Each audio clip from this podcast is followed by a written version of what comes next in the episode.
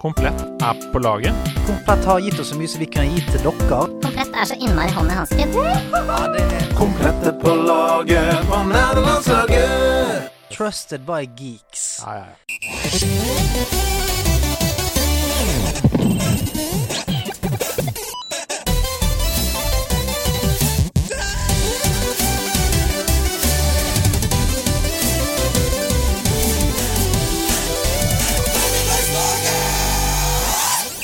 Dra jordmor-Mattia bortatt julestjerna, så setter vi oss og krakk.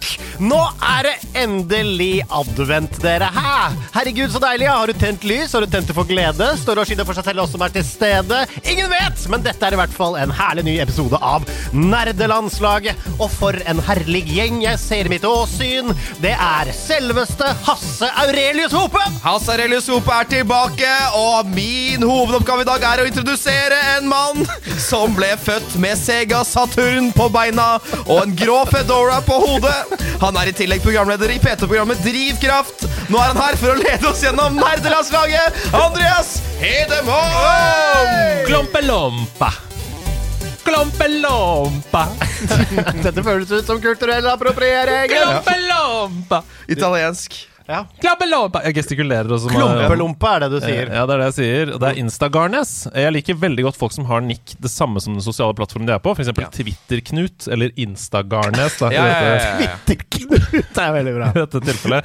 Eh, han skriver 'Klompelompa' med varm italiensk bollekinn-dialekt. En kollega sier det nemlig hver dag til meg. Så det er veldig hyggelig at hver dag Instagarnes kommer på jobb, så kommer det en kollega bort til han og sier 'Klompelompa' Ja. med bolle... bo- Bolle- Klompelompa. Men, men er du dobbeltsjekka at det på italiensk faktisk ikke betyr noe grovt? Oi! Jeg tror Yay. ikke at uh, sånne Det høres så veldig indre Trøndelag ut. Klump, klumpelompa. Ja. Så jeg syns ikke det høres ut som et italiensk ord. Nei, ok. Ja, nei, altså, det, vet du hva? Ikke google det i tilfelle det betyr noe grusomt. Men eh, Andreas, Ja, altså, ditt, eh, ditt, ditt fagre fjes forteller Ja. en ting. Det er mye på menyen i dag, er det ikke det? Det er så mye på menyen! Å, for en mm, mm, mm, mm, mm, For en meny. Mm, det er en deilig forrett, mm, det er en deilig hovedrett, det er en dessert, det er crème brulé, den er brent. Det, Du, du er veldig Du har mange språk på deg. ja, ja, ja. Nei, det er en veldig fin episode av Nederlandslaget. Vi skal servere dere det rett i monitor. Men aller først, Hasse, hvordan går det? Har du det helt greit? Jeg har, jeg har, det, jeg har det helt uh, greit, Ja. Andreas. Jeg uh, henger mye rundt.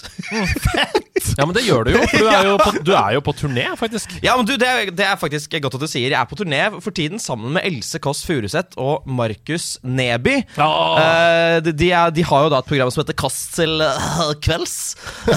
og der stikker, spiller jeg veldig mye uh, gitar. Så da Er det du som er Du er Markus denne runden? Han har blitt hjemme, og du er han? jeg kunne, jeg kunne gjort det, men Ja. jeg kan bare spille Wonderwall og House of the Rising Sun på gitar. Så det blir veldig flaut. ja. Så det er det livet mitt eh, består i, stort sett. Reise rundt omkring i Norge og prøve å bringe juleglede. Og selvfølgelig da latter. Du var i, du var i Stavanger. Jeg var i Stavanger. Ja, Stavanger. Det var rart Stavanger-dialekt. Ja, Det tar litt tid å omstille seg. Ja. Jeg var i Stavanger. Det er fet by. Shout-out til dere fra Stavanger som hører på. Absolutt. Shout-out til dere. Vi hadde en litt sånn eh, National Rap Show-aktig vib før vi gikk live, så jeg bare følte vi måtte fortsette med det. Ja. Mm. Ja, det måtte vi. Absolutt. fett. Så jeg skal videre til Dette er ikke promo. Sånn, det har ikke så mye å si for min lønn. På en måte så ja.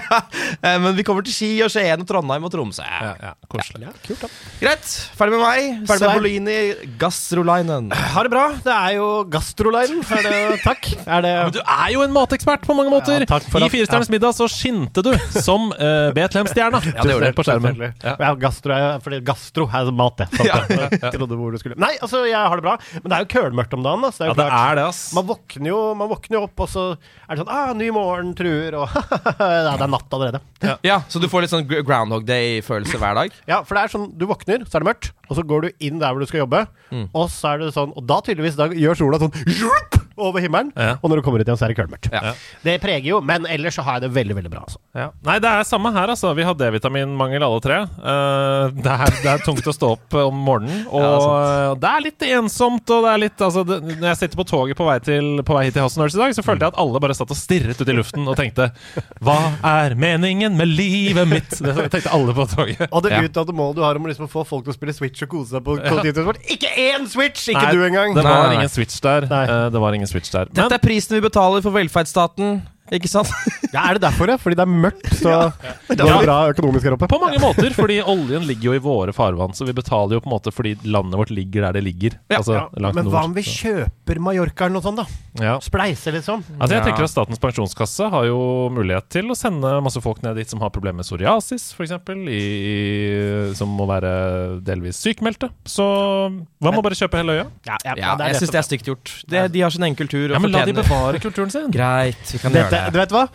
En, en, fremmed, en fremmed økonomisk og militær makt som kommer til et sted, tar over 100% og sier på forskudd at selvfølgelig skal det være dere når vi kommer. Det høres ut som en god oppskrift for meg. Uff Historisk tror jeg det har fungert. Ja, Men nå, TV-spill! Ja, jeg trekker tilbake alt. Vi har jo to av oss, i hvert fall, i dette rommet, var jo på komplett.no i Sandefjord i helgen. Det var vi. Det var dritgøy. Det Ja. var nemlig veldedighetsstream. Ja, og det var jo for en annen viktig eh, Ja, sak. 57 timer til inntekt for Barnekreftforeningen. Uh, vi var der fra 11 til 4 på lørdag. Åssen syns du det var, Seb? Nei, det er alltid hyggelig å komme til våre venner eh, der oppe. Det er en veldig trivelig gjeng, og de rigger opp, og vi kommer og Altså, vi får lov til å gjøre det sjøl, vi. De bare åpner døra, så går vi inn og gjør det vi pleier å gjøre. Følte dere dere som på en måte sånn SWAT-team som bare kom inn liksom, med liksom streamingkompetansen in the house? Nei. Men skal jeg si deg noe som er veldig altså, Ja.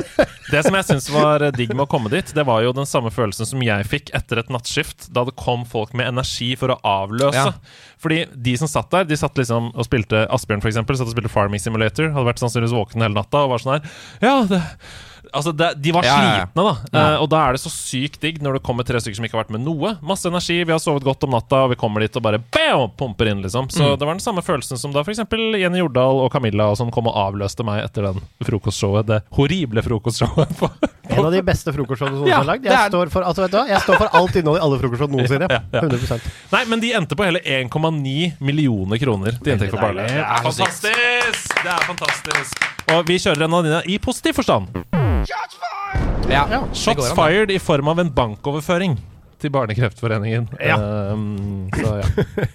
Ja, men da ble Barnekreftforeningen glad. Eh, Ja. Og som jeg var veldig fornøyd med hver gang jeg prøvde å skrive 'Vi er gamere mot barnekreft', som det het. Mm. Hver gang jeg skrev det, så bestemte omgivelsene for at det var 'gamere mot barneleger'. Det syns jeg er gøy. det er en av mine favoritt-autocorrects fra forrige uke. Ja, for du mener at alle skal være voksenleger? Eller dyrleger? Ja, for Det, du kan ta den, men også sånn bare å fjerne barneleger generelt. Hvis Ja. ikke barn klarer å leve sjøl, så får de klare det. For, Litt sånn, litt sånn Sparta-aktig samfunn. Ja, Eh, veldig sånn, Satte barna ut i skogen, også de som kom hjem igjen. De fikk lov Ja. Ja! Litt historie der, altså. Ja. Hasse, hva spiller du om dagen? Du, wow, gøy! Eh, dette er et veldig godt spørsmål, fordi jeg har spilt eh, Jeg har spilt fire forskjellige spill. Oi! Fire? Ja, det er gøy. Ja, men slapp av, da. det er veldig bra. Det er kjempebra. Ja, ja, veldig bra. Eh, For det første så har jeg spilt rett og slett gjennom hele God of War. Eh, Jeg spilte gjennom det meste av det da det kom, men nå Ja. spilte jeg det igjen, for jeg ville bare ha alt superferskt. Ja. Og tenkte sånn, nå skal jeg bare kjøre gjennom storyen, ikke noe ekstra. Ender jo opp med 120 timer, vet du. Ja, det? Eh, fordi man, det er så jævlig fett. Men er du, du har kommet til toppen av fjellet, du har rulletekst, har du gjort noe endgame osv.? Eller hvor langt har du kommet? Nei, det jeg skjønte var at Fordi du har sagt til meg at eh, Hei, spillet er jo ikke ferdig når du er, når du er ferdig, og det, det skjønner jeg veldig godt. Men for å, ha, for å rekke å spille gjennom uh, Ragnarok Ja. Innen vi skal lage våre topplister for 2022, så er det lurt av meg å ha satt i gang der. 100 Ja, Så det, det holder jeg på med nå. Ja, Eh, på med nå. med oppfølgeren, da. Eh, som jo selvfølgelig er Det er ikke noe vits at jeg sier at det er fantastisk, fordi det, det er det. Men kan vi ikke dy eh, dykke litt Altså Når vi bare er tre programledere, da har vi jo på en måte ikke noe spillhistorie å gå gjennom, så vi har litt ekstra tid. Ah. Så kan vi ikke dykke litt i 2018-opplevelsen, hvordan den var nå? Mm. Var det liksom noe gameplay som du hadde noe å utsette på, eller hvordan opplevde du det spillet nå i 2022? Nei, altså I og med at jeg da ikke hadde spilt eh, Ragnarok ennå, så altså det God of War 2018 kunne kommet uh, nå. Ja. Og det ville vært eh, ti av ti også. Tenk så ville man sagt sånn Ja, grafikken er omtrent sånn som den er nå.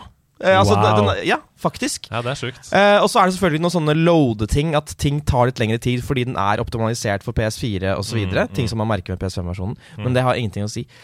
Eh, så det er bare en, en fantastisk opplevelse, og jeg er veldig glad for at jeg gjorde det eh, rett før jeg skulle inn i, i, i toeren. Det var ikke med vilje! Helt nei, nei, jeg skjønte at det ikke var vilje. Jeg, jeg, men jeg stappet meg selv. Um, for det er bare noe med at selvfølgelig eh, Dette er ikke noe banebrytende syn, men altså Det man spiller God of War for, er liksom eh, slåssingen. At det er den beste, noen av de beste slåssingen du får i spill, liksom. Det er liksom det og Bajonetta omtrent som liksom bare nailer det. Men det er liksom den, den relasjonen eh, mellom, eh, mellom eh, Kratos og Atreus som bare er så hjerteskjærende fin og varm at jeg ble fuktig i øya mange ganger. Og det trengte ikke være sånne store, viktige scener der ting blir avslørt og sånn. Det er bare det å se bitte små forandringer i, i hvordan Kratos snakker til sønnen sin på. At han har lært bitte litt fra noe som skjedde for en time siden, og har litt mer varme. Som, det er bare så fingerspitske fyl Ja, ja. Åh, Og det er ting man ikke legger nødvendigvis merke til engang. Altså, I The Last of Us Part 2 så er det sånn at alle for eksempel NPC-ene har navn. ikke sant? Sånn at når du dreper dem, så roper noen andre sånn No, Thomas! Ja. Så skal du føle sånn Ok, ja, det, det er faktisk en person, ikke bare en NPC. Mm. Eh, og litt sånn her er det i 2018 også. Jeg la ikke merke til det før jeg ble gjort oppmerksom på det i ettertid, da jeg hadde spilt det den gangen. At Kratos går fra å si 'boy' til å si Atreus Mm. Ja. underveis i spillet. Mm. Istedenfor å kalle ham boy. da Og det er bare sånne små, små detaljer som er Ja. deilig. Mm. ja, det er nettopp det. Og så faller han av og til tilbake i gamle synder også, og kaller han boy igjen. Ja. Fordi det går litt opp og ned for Kratos. The year of the year kanskje. Ikke. Ja. Ja. Nei, altså, men, men, eh, men jeg er helt enig, og det er faktisk også toucha innom eh, det gode gamle, jeg også. For å, før eh, Ragnarok ikke spilte gjennom, men sett litt og det, det holder seg, altså. Ja, det, ja, ja. det er mange Creature Comfort som har gjort mye bedre i Ragnarok, men det er absolutt et spill om du ikke har spilt det, så spill det før du spiller Ragnarok. Absolutt. Så, og bare, men bare vær forberedt på Jeg vet det er obvious å si det, men vær forberedt på det. Fordi når du liksom har spilt 100-120 timer i God of War, og du har liksom Du har ranka opp alt, du har fått din favoritt-armor, alt er liksom bare så jævlig crisp og digg, og så begynner du på, på oppfølgeren, og så er det liksom Å ja, rustningen min er borte. Har den forvitra i vinterkulden? Ja. Det ble, ble plutselig deg, Sebastian. Ja, du vet, jeg har den Ja. Og så, og så er det bare sånn Å nei, jeg har ingen av busa, jeg har ingen av klærne, jeg har ingen av våpnene. Nei, det er veldig sant. Det- Men det, ja, ja. Men det som er så gøy, er at de, de adresserer det.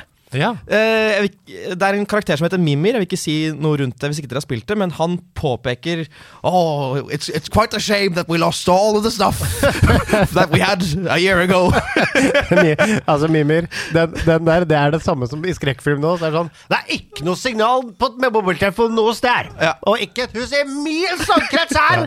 Og ikke er vi Og så har vi litt vare for kulde. Ja, Ja, det det, er det, veldig- det, det er veldig gøy um, at de gjør det. Fordi Ja. de tenker over det. At det ikke bare er sånn uh, game logic, de, men de faktisk adresserer det. Ja. Det er flere ting i det spillet som de også adresserer. Snakka litt med Erling Rostvåg om det i Sidequest som kom på Patron denne uka, her hvor vi bl.a. snakker om God of War-historien i sin helhet fra det første spillet fram til 2018-spillet. Den lawren er jo helt vill, men uh, uansett. Og da snakker de altså et, På et tidspunkt i spillet, ved, ved ref hvilke spill i serien som er canon og ikke, så nevner Mimir når han henger på hofta sånn En eller annen gang så var du med i en sånn turnering hvor det var sånne rare hester som var med og sånn. Og han bare I do not want to speak of that, secret. Og da refererer han til PlayStation Fighting-spillet. Ja, hvor Kratos var en karakter! Kødder du med meg?! Det er, helt fantastisk! det er mye gull. Det er så utrolig gøy og sånne ting. Det er mange sånne du kan finne med memer sånne easter eggs. Memer Ja. Når du ror, så forteller han ofte fine historier og sånn. Ja. Um, og han, kan, han, han nevner mye forskjellig som går tilbake. Og det er morsomt å se recap på YouTube av storyplottene fram til du skal spille den nye, altså enten Ragnarok eller uh, det forrige. Mm. Fordi Lauren er jo Han blir til stadighet cast down to hell. Ja. Kratos, det Ja. skjer jo i ett jævla kjør. Mer om dette i Sidequesten, eller i historien til God of Ja, War. litt drypp der, da. Ja, ja. Ja. Lite drypp der, da. Litt drypp der. Eh, Så ja, det har jeg spilt. Eh, Så eh, spilte jeg gjennom eh, Florence. For det, det, det spilte vi i en halvtimes tid på, på streamen. Spilte dem igjen i. Ja. Uh, og jeg syns det var så utrolig sjarmerende. Så jeg tenkte sånn, ok, nå skal jeg sette meg ned Nå skal jeg liksom sette av fire timer Ja. til dette. eh, og bare kose meg skikkelig. Og så spiller jeg gjennom det. Det er fantastisk. Men det er ferdig på en halvtime. det var sånn, Hæ? Er, er, er det ikke noe mer Ja, men Er det, no, er det ikke noe New Game Plus her? Det er sånn, And then you lost all your armor. det er sånn- det er bare fem minutter mer enn Ja. det som var på streamen. Ja, det er det. det visste ikke jeg. Men det gjorde ikke noe. Det er fortsatt et utrolig vakkert spill. Ja, det er eh, Litt kjedelig, eller? Er du gæren, nei, nei, nei, nei, nei. Nei, det er dritbra. Altså, det, jeg syns det er like kjedelig som en god episode av en TV-serie som var en halvtime. Ja. Eh, så det er jo Men du spiller jo ikke Florence for Å! Uh, adrenalinfylt gameplay! Nei, men du spiller Florence på litt samme måte som man så en episode offshore før på TV2. Aldri sammenlign offshore med Florence igjen. Hadde du sagt familiesagen til syv søstre, så kanskje jeg hadde vært i Bailey, men ikke, ikke offshore. Ja, det var mye slemme folk. Ja, jeg skal ikke, vet du hva. Red Dead Redemption 2 Etter Red Dead, Red Dead Redemption 2-gate så orker jeg ikke mer. Flores er verdens beste Ja, det er verdens beste spill. Nei, men det er jo Det som er så fint med det, er jo at um, det forteller en, syns jeg, da, ikke forslitt kjærlighetshistorie. Altså, Ja. det, det er en kjærlighetshistorie som fokuserer på verdien av å være menneske, syns Ja. jeg, i mye større grad. Så det eh, setter jeg veldig veldig pris på. Mm. Ja.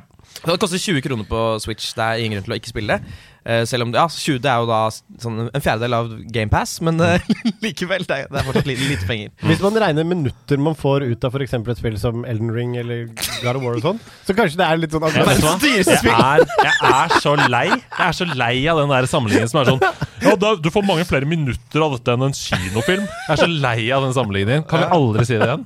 Årets dyreste per, per minutt! Hvor mye underholdning Alle kulturuttrykk er verdifulle i seg sjøl. Ja, ja, ja, ja. Spesielt tresnitt. Tresnitt? Nei, det, det har ingen verdi. Sorry, ass. Hva? Hvis du studerer, studerer det, begynn å studere kullsnitt i stedet. Ja. Det siste spillet jeg har spilt eh, Fordi det, det jeg har begynt å tenke, da Jeg, jeg nevnte jo i stad at vi kommer selvfølgelig til å ha topplister i år, sånn som vi alltid har, så det er ikke noe spoiler at det kommer til å skje. Eh, og da er det viktig for meg at når jeg setter i gang med et nytt spill, så vil jeg gjerne at det skal være fra 2022. I hvert fall i denne perioden her, Fordi da, da rekker jeg innom eh, så mange som mulig og kan lage en ordentlig god liste. Og derfor har jeg begynt å spille Pentiment. Ja. Eh, som jo er gratis på GamePass. Gratis i gåseøynene. ja. Inkludert. Ja, inkludert kan man jo egentlig si. Ja. Må Eh, man egentlig si, vel. Kjapt. Ja, man må egentlig si det. Ja. Og ja, det har jo blitt snakket om før, men jeg, jeg syns det er bare helt forkastelig bra.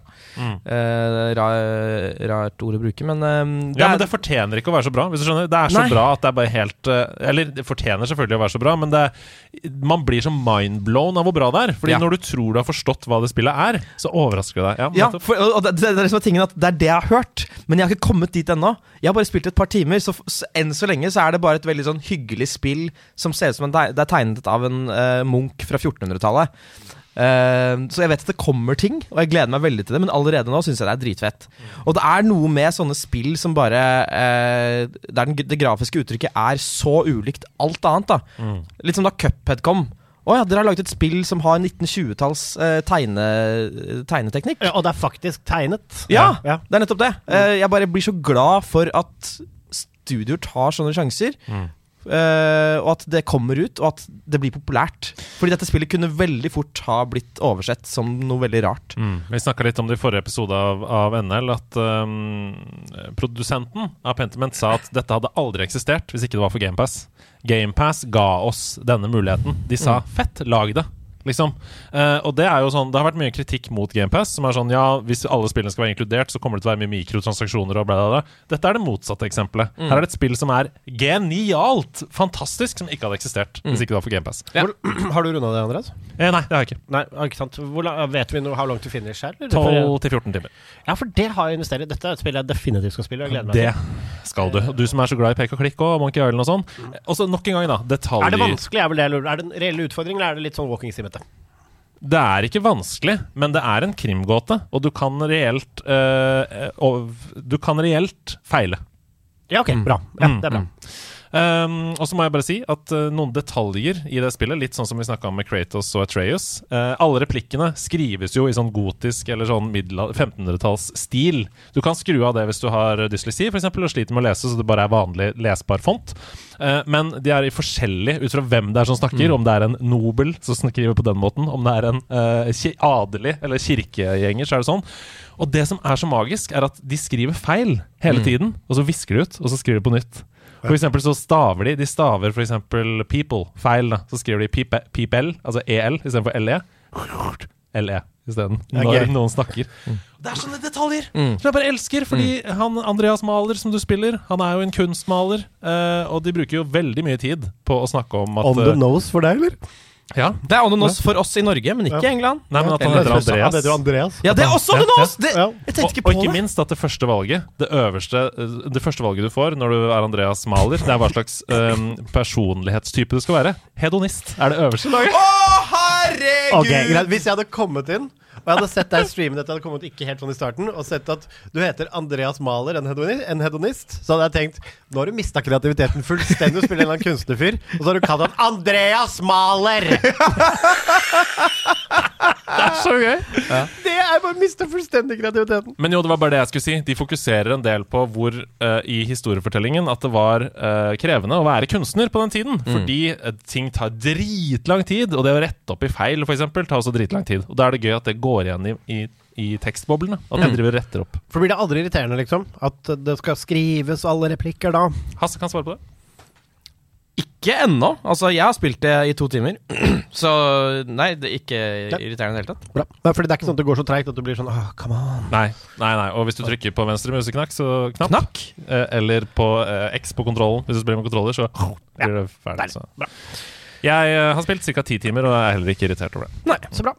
Min lille saga er fullendt. ja, for det, Eh, ja, for det var fire. det var fire spill. Ja. Det var God of War, God of War 2, som Ja. jeg alltid kommer til å kalle det. Raggen. Raggen. Ja. Så. Raggen går. ja. så jeg er ferdig med min, min saga, da. Ja, Veldig fin saga. Skal Ja. du ta din saga først, Andreas? Hva har du Ja, spilt kan siden sist? Har du spilt siden sist? Du, jeg har spilt uh, Aller først så spilte jeg et spill som heter Adventur de luxe.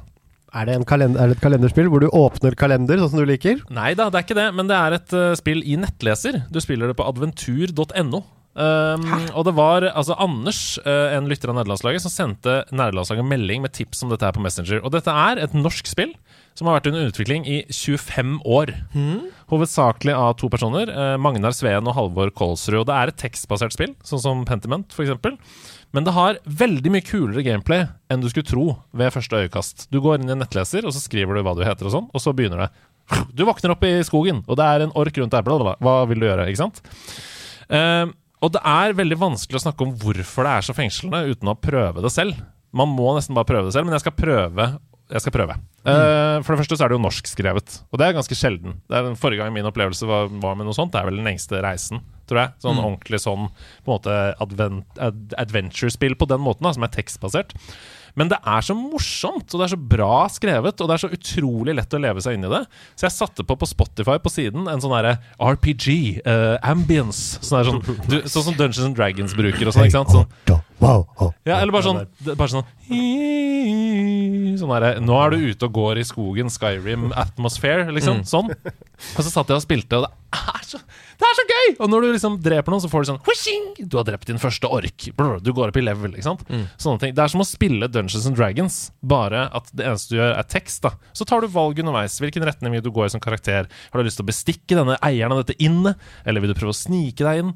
Um, altså, du må få informasjon. Altså, det er et eventyrspill. Og det som er så rått med det, er hvor dypt det er. Spillet har dobbelt så mye tekst som alle bøkene om Harry Potter til sammen. Dæven. Oi!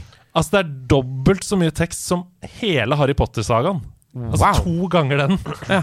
Uh, av valg, av butterfly-effekt som det går ut i. De har holdt på med å lage dette i 25 år. Ja. Oi. Og de, de tjener ikke noe penger på det. Det er bare noe de, Ingenting. de bare Hobbyprosjekt. Ja, ikke sant? De jobber som kodere til vanlig og sitter med dette på fritiden. Så sykt fett. Så dette er gratis, da? Helt gratis. Men hvordan er det hvis jeg, kom, altså, hvis jeg er uheldig å komme der refresh? Ikke noe problem. IP-adresse, uh, lagre cookies. Eller du kan skrive inn mailadressen din, og så umiddelbart så saver det seg der. Der hvor du begynner. Så hvis du skriver inn mailadressen din, så hm? Nei, bare sorry. altså har latterkrampe pga. cookies. Cookies. Jeg vet ikke hvorfor. Nei, det er uh... Sorry, jeg var litt rar i dag. Ja, men det er helt eh, i orden, det. Ja. Ja. det er helt i orden det Det er bedre at det er den veien at du begynner å gråte av at jeg hadde sagt det, for eksempel. Det er det. Det er seint. Det er er seint hele døgnet nå, vet du. Nå er det seint! Nå er det tidlig! Se cookiesmannen. Cookiesmannen, det kan Ja. være konkurrent. Ja, det- Andreas. Fortsett, Andreas. Ja, nei, uh, så hvis du skriver inn mailadressen din, var det jeg skulle si, så Ja. lagrer det seg. Så kan du starte neste gang med å bare skrive mailen. Så er det sånn Altså det er et system som lagrer din progress, eller bare med IP-adresse, som sagt. Um, men det er uh, utrolig gøy, og veldig lett å plukke opp. Og som sagt, jeg tror opplevelsen blir enda mye kulere hvis man setter på noe sånn ambient, enten på YouTube eller uh, Spotify eller noe sånt ved siden av. Mm. Det er fantastisk. Neste er da Vampire Survivors. Nå har jeg snakka om dette i tre uker, i nederlandslaget, så jeg skal snart slutte å snakke om det. Men det er Det er så bra! Det er så bra! Stian uh, plukka det opp på min anbefaling etter å ha blitt mast eh, på av Twitch-chatten, for han streama jo eh, forrige uke, eh, og sa sånn Hva er det her for noe dritt? De første fem minuttene. Eh, spol en halvtime fram i tid, og han skriver sånn Det er Game of the Year. Det er Game of the Year. halvtime fram i tid. Oi. Det er, det er, det er dritbra, Ja. rett og slett. Det er pur gameplay. Altså det, hvis du syns Tower Defense på en måte er gøy, da i form av at du upgrader, du blir sterkere, du blir kulere, det er en gameplay loop som er addictive, du går opp i level, du oppgraderer passives, du får vanskeligere fiender, det er bullet hell, det er bla, bla, bla, så er det helt utrolig avhengighetsskapende. Um, så jeg har spilt det masse. Tror jeg Er, er det rent Tower Defense-spill? Nei, du er istedenfor at du setter ut turrets som skyter på ting rundt deg, så er du Mr. Turret. Altså du er en hero på en måte som går rundt. Og den heroen du har, den skyter automatisk. Så enten så slår den automatisk med en pisk, f.eks., eller så skyter den ut noe ting. Og så etter hvert som du dreper fiender, så går det opp i level. Du upgrader. Enten upgrader du det våpenet du har, eller du legger til et nytt våpen. Sånn at f.eks. i tillegg til pisk, så kan du ha en uh, magic wand som skyter sånn homing missiles. Ikke sant? Og etter hvert så er du en krigsmaskin da som bare rundt overalt rundt deg, og du blir kasta på med fiender, og det er dritfett musikk, og det er bare, ja. Eh, Men det er klart, som Stian sa, det er ganske kjipt når man da etter å ha spilt 20 minutter og er en war machine, dør og begynner på sånn her Én pisk igjen. Litt som God of War-starten. Ja, ja, ja. Mm. Men Og det er det eh, ingen som forklarer hvorfor, for det sånn. i Nei. Nei, så, men jeg, jeg, jeg syns du må spille det, yep. uh, Seb. Og jeg syns du må spille det, Hasse. Yep. For at vi skal ha en fruktbar diskusjon om det um, på eh, Altså Game of the Year julespesial-greiene. For jeg kommer til å ha det med der. Jeg mener ikke, eh, for å, for, for å spoile litt, da Det er ikke Game of the Year, men det er en del av diskusjonen. Ja. Det syns jeg absolutt det er. Uh, og så er det veldig vanskelig å sammenligne f.eks. store, voldsomme historier som God of War med liksom pisk. Men ikke sant? det er en grunn til at Kabal har tålt tidens stand. Skjønner du hva jeg mener? Ja, helt klart. Ja. Ok, Uh, to spill til jeg har spilt. Det ene skal vi gå raskt forbi, for det heter Totally Reliable Delivery Service.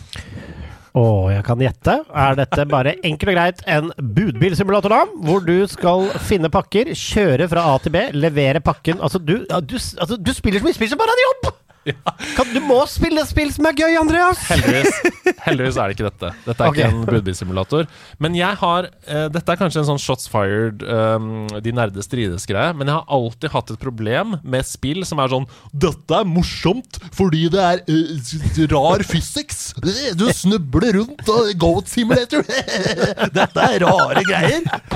Det er den verste karakteren noensinne! Han er, han er en muggen fyr. Ja. Jeg syns aldri de spillene er noe morsomme. Jeg syns de er overdrevne, jeg syns um, de tar snarveier bare fordi det er sånn Oi, han tryner! For en vemmelig fyr. Kan det være han resten av sendingen? Eh, og det samme er i Totally Reliable Delivery Service. De lener seg på én mekanikk, og kun én. Denne personen er vanskelig å kontrollere. Denne personen som du kontrollerer. Og her skal vi være fire stykker som spiller sammen. Og det er gøy at det er vanskelig at fire skal spille sammen, og de er vanskelig, og de tryner. Jeg syns jeg på en måte kan høre her at du ikke elsker dette spillet. ja. Og det er sjelden. Ja, At du ikke elsker spill. Ja, du elsker alle spill. Ja, men dette er dritt. Det er så mørkt om dagen! Det er Andreas Hedman. Han Ja. mista fullstendig sjarmen. Ja, men det er noe deilig med å innimellom høre at Vet du hva? Dette er Ja, for det, jeg syns det, det siste har vært sånn høytrykksspillersimulator, Game of the Year også. Jeg, det må, bare spill det først, for det må være med i diskusjon. Jeg veit at det ikke er men det må være med i diskusjon. Det må være med i diskusjon, det må det være. Men endelig et spill du har spilt som bare er sånn Dette er dritt! Ja, det, nei, dette det, liker jeg. er, det er på PlayStation Plus ekstra, så hvis du er, eh, har lyst Det er inkludert der, så Ja. du kan eh, laste det ned. Men det, altså, det er et spill hvor du skal da, eh, med artige spagetti physics, eh, levere pakker. Enten ved hjelp av en bil eller et helikopter, eller bare gå med det i hånda. ikke sant, Sånne ting. Og det endte altså med at jeg skulle levere en pakke til et hotell, og så leverte jeg den pakka oppi den pakkeboksen. Og da tok den pakkeboksen og lukka seg rundt meg. Sånn at jeg ikke kom meg ut igjen. Det var sånn Hard crash. Du kommer deg ikke ut fra denne. Du må gå ut av spillet og starte på nytt igjen. Og Da ble det bare sånn herre Vet du hva? At det, det hardlocka spillet, liksom. Ja. At jeg leverte den pakka oppi den boksen. Gikk du, altså Skrudde du av PlayStation og gikk rett og la deg da? Nei, jeg, jeg lukka spillet, og da jeg kom til menyen, så oppdaga jeg det neste som jeg har skrevet at de våger! Har jeg skrevet her i notatene mine. For der selger de fuckings DLC til Nei, spillet! nei, nei, For nei. 100 spenn! 100 DLC! Ja. For, for sånn her ja, Du kan få kostymer til den rare figuren din! 100 kroner! Nei! Nei, dette, altså, dette spillet høres ut som det burde forbigås i stillhet. Ja, totally reliable delivery service. Få det vekk. Få det vekk, Fjern det fra PlayStation Plus Extra. Tjenesten deres er kjempebra. Den er bedre uten det spillet i. Ja, ok, så Ja, dette, dette liker du ikke. Lurer på om jeg kanskje, kanskje kan spille det litt, ja. Og kanskje jeg liker det. det. er Altså Hvis vi streamer det alle fire Det er det som er problemet, for det, er ikke, det har ikke sånn The Room-kvaliteter heller. Det er ikke sånn at man ler at det er gøy. Det Nei. er bare dritt. Det er Ja. bare irriterende. Jeg ser deg 55% på Metacritic. Dette er, du burde aldri spilt dette Nei, her, jeg, Andreas. ikke jeg så det og tenkte sånn Hå, nå skal jeg utfordre min egen sånn physics-problem. Ja, men nå ser jeg på plakaten, og det, det, det er jo Altså, at det skulle være noen tvil! Dette er Ja, det, altså, Andreas, hvordan ender du opp med å spille dette? Det ser ut som Paw Patrol-kvalitet på Ja. spillet, liksom. Det liksom, Du kan se at det er utviklet av Wish. Det er Wish som har Ja, det det. Nei, og det er fullt av bugs og dritt, så ikke spill det. Det du derimot må spille på PlayStation Plus Extra Jeg har brukt en uke her nemlig på å grave litt i den tjenesten, for vi snakker jo mye om GamePass, ikke sant? Så jeg har vært litt nede i PlayStation Plus sine inkluderte spill. Det er TT Isle of Man, kolon Ride on the Edge 2. Oi, Det må du, det, her må du spille. Er dette et Nei, du må ikke spille det, men det er kjempebra. Det som er vanskelig med motorsykkelspill, det Ja. er ja, med Motorsykkelspill er vanskelig å lage. Fordi fysikken i det, altså lene seg inn i svinger og sånn, eh, er eh, motstridende kontra f.eks. bilspill. Du lener aldri så mye med en bil når du skal svinge rundt en bil. Lener du deg i bil? Nei, ikke sant? Eh, Hvis du er veldig med i rattet når du spiller med, så, så gjør du det. Men jeg har alltid hatt en drøm med min kompis eh, Hansa. Som er veldig glad i å kjøre TT-sykler. Han har en uh, R-sykkel som han kjører med på Rudskogen på bane. uh, om å reise til da Isle of Man. Som er eh, denne øya ute i Nordsjøen, mellom eh, Storbritannia og Irland der. Eh, og se på da TT, som er det mest legendariske racet i verden når det kommer til motorsykler. Det vil jeg påstå, for det er et helt vilt motorsykkelløp som går der hvert år. Og de som deltar, de er så utrolig dyktige. Men i gjennomsnitt så er det altså én person som dør i året Oi. i det racet. Fordi de kjører i 220 km i timen gjennom tettbebygd strøk på Isle of Man. Altså Hele racet går rundt Isle of Man, gjennom små byer osv. Og, så og hvis du gjør én feil i en sving da, da krasjer du inn i en murvegg og dør. Ikke sant? Så det er veldig veldig høy risiko. Um, Det er Tour de France på steroider. Absolutt. Ja. Så TT Isle of Man er i seg selv et veldig legendarisk løp, og det gjorde at jeg tenkte wow, dette har jeg lyst til å spille. Uh, og spillet er kjempebra. Det er som en klassisk sånn racing, eh, sånn som Project Cars eksempel. Du blir tildelt en kontrakt, en motorsykkel, og så er det sånn Ja, du skal reise for dette teamet. Her er en kalender, dette er de racene du skal gjøre gjennom året. Ikke sant? Og så etter hvert som du gjør det bra, så får du nye sponsordeals, osv. Um, og fysikken er gøy. Det er utrolig vanskelig, selvfølgelig, sånn som alle motorsykkelspill er, men kommer seg etter hvert. Du må bare godta at du blir nummer seks og sju i starten, og så kommer det opp til fire, tre, to. Jeg liker jo det. Jeg liker heller det enn at jeg bare begynner å vinne med en gang. Jeg er helt enig. Altså, jeg har spilt en del sånn moto Det var en periode av MotoGP. Um, Jeg likte det veldig godt og syntes det var ganske gøy å spille. Er det liksom, Føles det likt som det? Sånn at du kan velge litt sånn leddvis hvordan du vil ligge? Og, Mm, fordi mm. hvis, hvis det er intuitivt, så kanskje det kan vise at jeg er overraskende god i det Ja. spillet, faktisk. Ja, ja, ja, og det tror jeg kanskje du også er. Um, det eneste store forskjellen er at dette er jo aldri på bane. Ikke sant? Dette er jo Ja. gateracing. Ja, så det er Sånn mye mer crap swings. Mye mer krappe svinger, og du må mye mer opp og ned i, i akselerasjon og sånn. Jeg prøvde først å spille med manuelt gir. Hoi og låno! Det, da, må jeg, da må jeg sitte med noe fysisk girspak eller et eller annet. Fordi Som, som kjent, motorsykkelen har jo en ja, ja, nei, jeg, vet- det var akkurat det. Jeg må sitte med en eller annen måte jeg kan gjøre det fysisk. Ratt og Fordi, pedaler. fordi opp og ned på denne liksom trekant of X på, på, på ja, kanskje styret. Ja. Og tenk deg å ha den Tenk å ha det. Sega Rally Eller den Sega Rally. Se, den Sega-motorsykkelen, vet du. Ja, Sånn, ja, ja, ja. Og så girer du med foten og sånn. Ja. For det er jo det du gjør på motorsykkel. Ja. Opp, opp, ned og opp med Klikk, klikk, klikk. Ehm, det hadde jeg måttet ha. For jeg prøvde med X og, og trekant på PlayStation Control. Nada. Nei, det går ikke nada. Det gikk dårlig. Uh, så jeg måtte sette på automatgir. Men um, fortsatt uh, kjempegøy. Jeg kommer til å spille det mer. Uh, etter hvert som jeg begynte å mestre det, så ble det veldig sånn Hvis du er glad i racingspill, så er det verdt å teste ut, bare for å få en litt annen flavor. Fordi motorsykkel er noe annet. Uh, og så er det inkludert i PlayStation Plus ekstra. Så Men også som for eksempel altså, Dette er et litt mørkt spørsmål, men det er høst, og det er mørkt. ja. Kan man dø? Å ja! Nei, men du kan smelle inn veggen og bli risatt bak, lenger bakover. Ja, Ja, men sånn er det i virkeligheten også. Men- men Blir resatt. Ja, du blir resatt. Ja, men har, du, har de laget er hvis du er buddhist. Så. Men det er litt det samme som når jeg kjører bilspill. Jeg, altså, det er ikke et must, men jeg liker best når man virkelig kan liksom krasje ordentlig. Det er litt morbid å si det, men sånn i bilspill så er det ikke Der er det jo mye sikkerhet inni bilen, og sånt, så det er kanskje verre i motorsykkelspill, men det er også liksom Altså, du liker på en måte Forza Horizon bedre enn Gran Turismo? på en ja, måte Ja, men det er ikke det er en sånn modifikasjoner. Mm. Fordi noen av disse spillene er så simmete at det er ikke der liksom juicen Mm, ligger. mm. Sånn, jeg liker jo i Formel 1 for eksempel, spillene at du kan gå i veggen, du kan miste ting, det er synlig damage. Altså Ja. Det liker jeg, for det, det gjør noe med Det føles som mer på spill enn når du smeller, du gjør en Ja. alvorlig feil, smeller inn i vannet, og så er det bare sånn Ingenting skjedde! Nei, ok, Dette er det som skjer hvis du smeller inn i en murvegg, som det er her da, i Isle of Man. Eh, Mm. Du blir kasta av sykkelen, uh, umiddelbart selvfølgelig, ruller bortover og er livløs på bakken. Det er det som skjer. Og så blir du resatt, og så er det, begynner du på nytt igjen. Men okay, så du har crash physics. hvis du krasjer, da taper du. Altså det, er, det er såpass vanskelig at hvis du krasjer én gang i løpet av en runde, så klarer du ikke å vinne det løpet. Mm. Så du, du, må, du må heller ta mindre sjanser uh, og spille med mer ja, sånn Play to live, da, sånn som vi snakker om i Overwatch. Liksom. Eh, hvis du uh, faktisk rider on the edge, som tittelen sier her, så vinner du ikke. Ja. Mm. Jeg liker når det føles litt konsekvens, men utover det, det er jo bare et spill. Så Det er absolutt bare Ja, spill. sånn som alle andre spill vi spiller. Det er bare spill. det, det er det. Bortsett fra da selvfølgelig Super Reliable Awesome Delivery Service, som er mye mer enn et spill. Det er altså livet selv. Jeg sier noe om livet, det. Ja, Totally det, reliable. det, det, det, det. Nei, men det er det jeg har spilt siden sist. Eh, nå husker jeg ikke helt Jo, min, eh, min eh, islandske figur. For jeg har jo sånne navn Vera Vårgrønn og Iris Isblå og sånn. Mm. Hva var det han het da? Torkel Turkis Et eller annet med turkis. Jeg husker ikke. Torkel Tangturkis, var det det? Det, det kan godt hende. Tore, Tore Tanke-turkis. Jeg la det ut på Story på Instagram forrige dagen, i hvert fall. Ja, ja. Uh, hyggelig respons. Det er koselig. Det er koselig. Hva med deg? Nei, hva har jeg spilt siden sist, da? Jeg har spilt litt God of War Ragnar Ruk. Ja, du har kommet deg i gang, ja. Jeg har kommet meg i gang. Men uh, det er noen andre ting som uh, har kommet i veien. Jeg har spilt mye Bajonetta 3. Ja, ja, Det- for du skulle i utgangspunktet anmelde det på vegne av NL, ja. Jeg skal i utgangspunktet det, og jeg har lyst til å få ut en anmeldelse på det, selv Ja. om det skulle bli seint. For der Bra. er det noen diskusjoner, men det tror jeg vi kan ta down the road. Ja, så bra. Jeg må bare si det med en gang at uh, du har ikke dårlig tid. Nei, bra. Eh, jeg vil heller at, eller vi vil jo heller at anmeldelsen skal være bra, enn at den skal være forhasta. Å ja, det var ikke, det var ikke Um, sånn, men det, det er bare en del ting der som har gjort at denne anmel an anmeldelsen, som jeg nå kaller ha, Ja, riktig fin. tone nå. Ja, anmeldelsen. Den kommer noe senere, fordi det er en del spørsmål og ting som har gjort at jeg har lest litt, diskutert Ja, mye og litt forskjellig stemme. om dette Bajonetta 3. Dette handler jo da faktisk uh, mye om, og det vil jeg anbefale alle her. For jeg kunne tenkt å ta, en diskusjon, eh, ta en diskusjon på en gang det skulle passe seg. Mm. Fordi jeg stiller spørsmålet er det egentlig kanskje litt grann sexistisk allikevel, dette, den- dette Bajonetta-spillet? Ja, Har det kanskje universet i seg selv, ja. Mm. ja, altså universet i seg selv, men altså, det er mye i dette spillet som jeg synes øh, Og så har jeg ikke spilt de to andre, noe som gjør at jeg må se meg litt opp på de og se om det Og ja, rett og slett, jeg lurer på om dette er litt kvinnefiendtlig. Mm.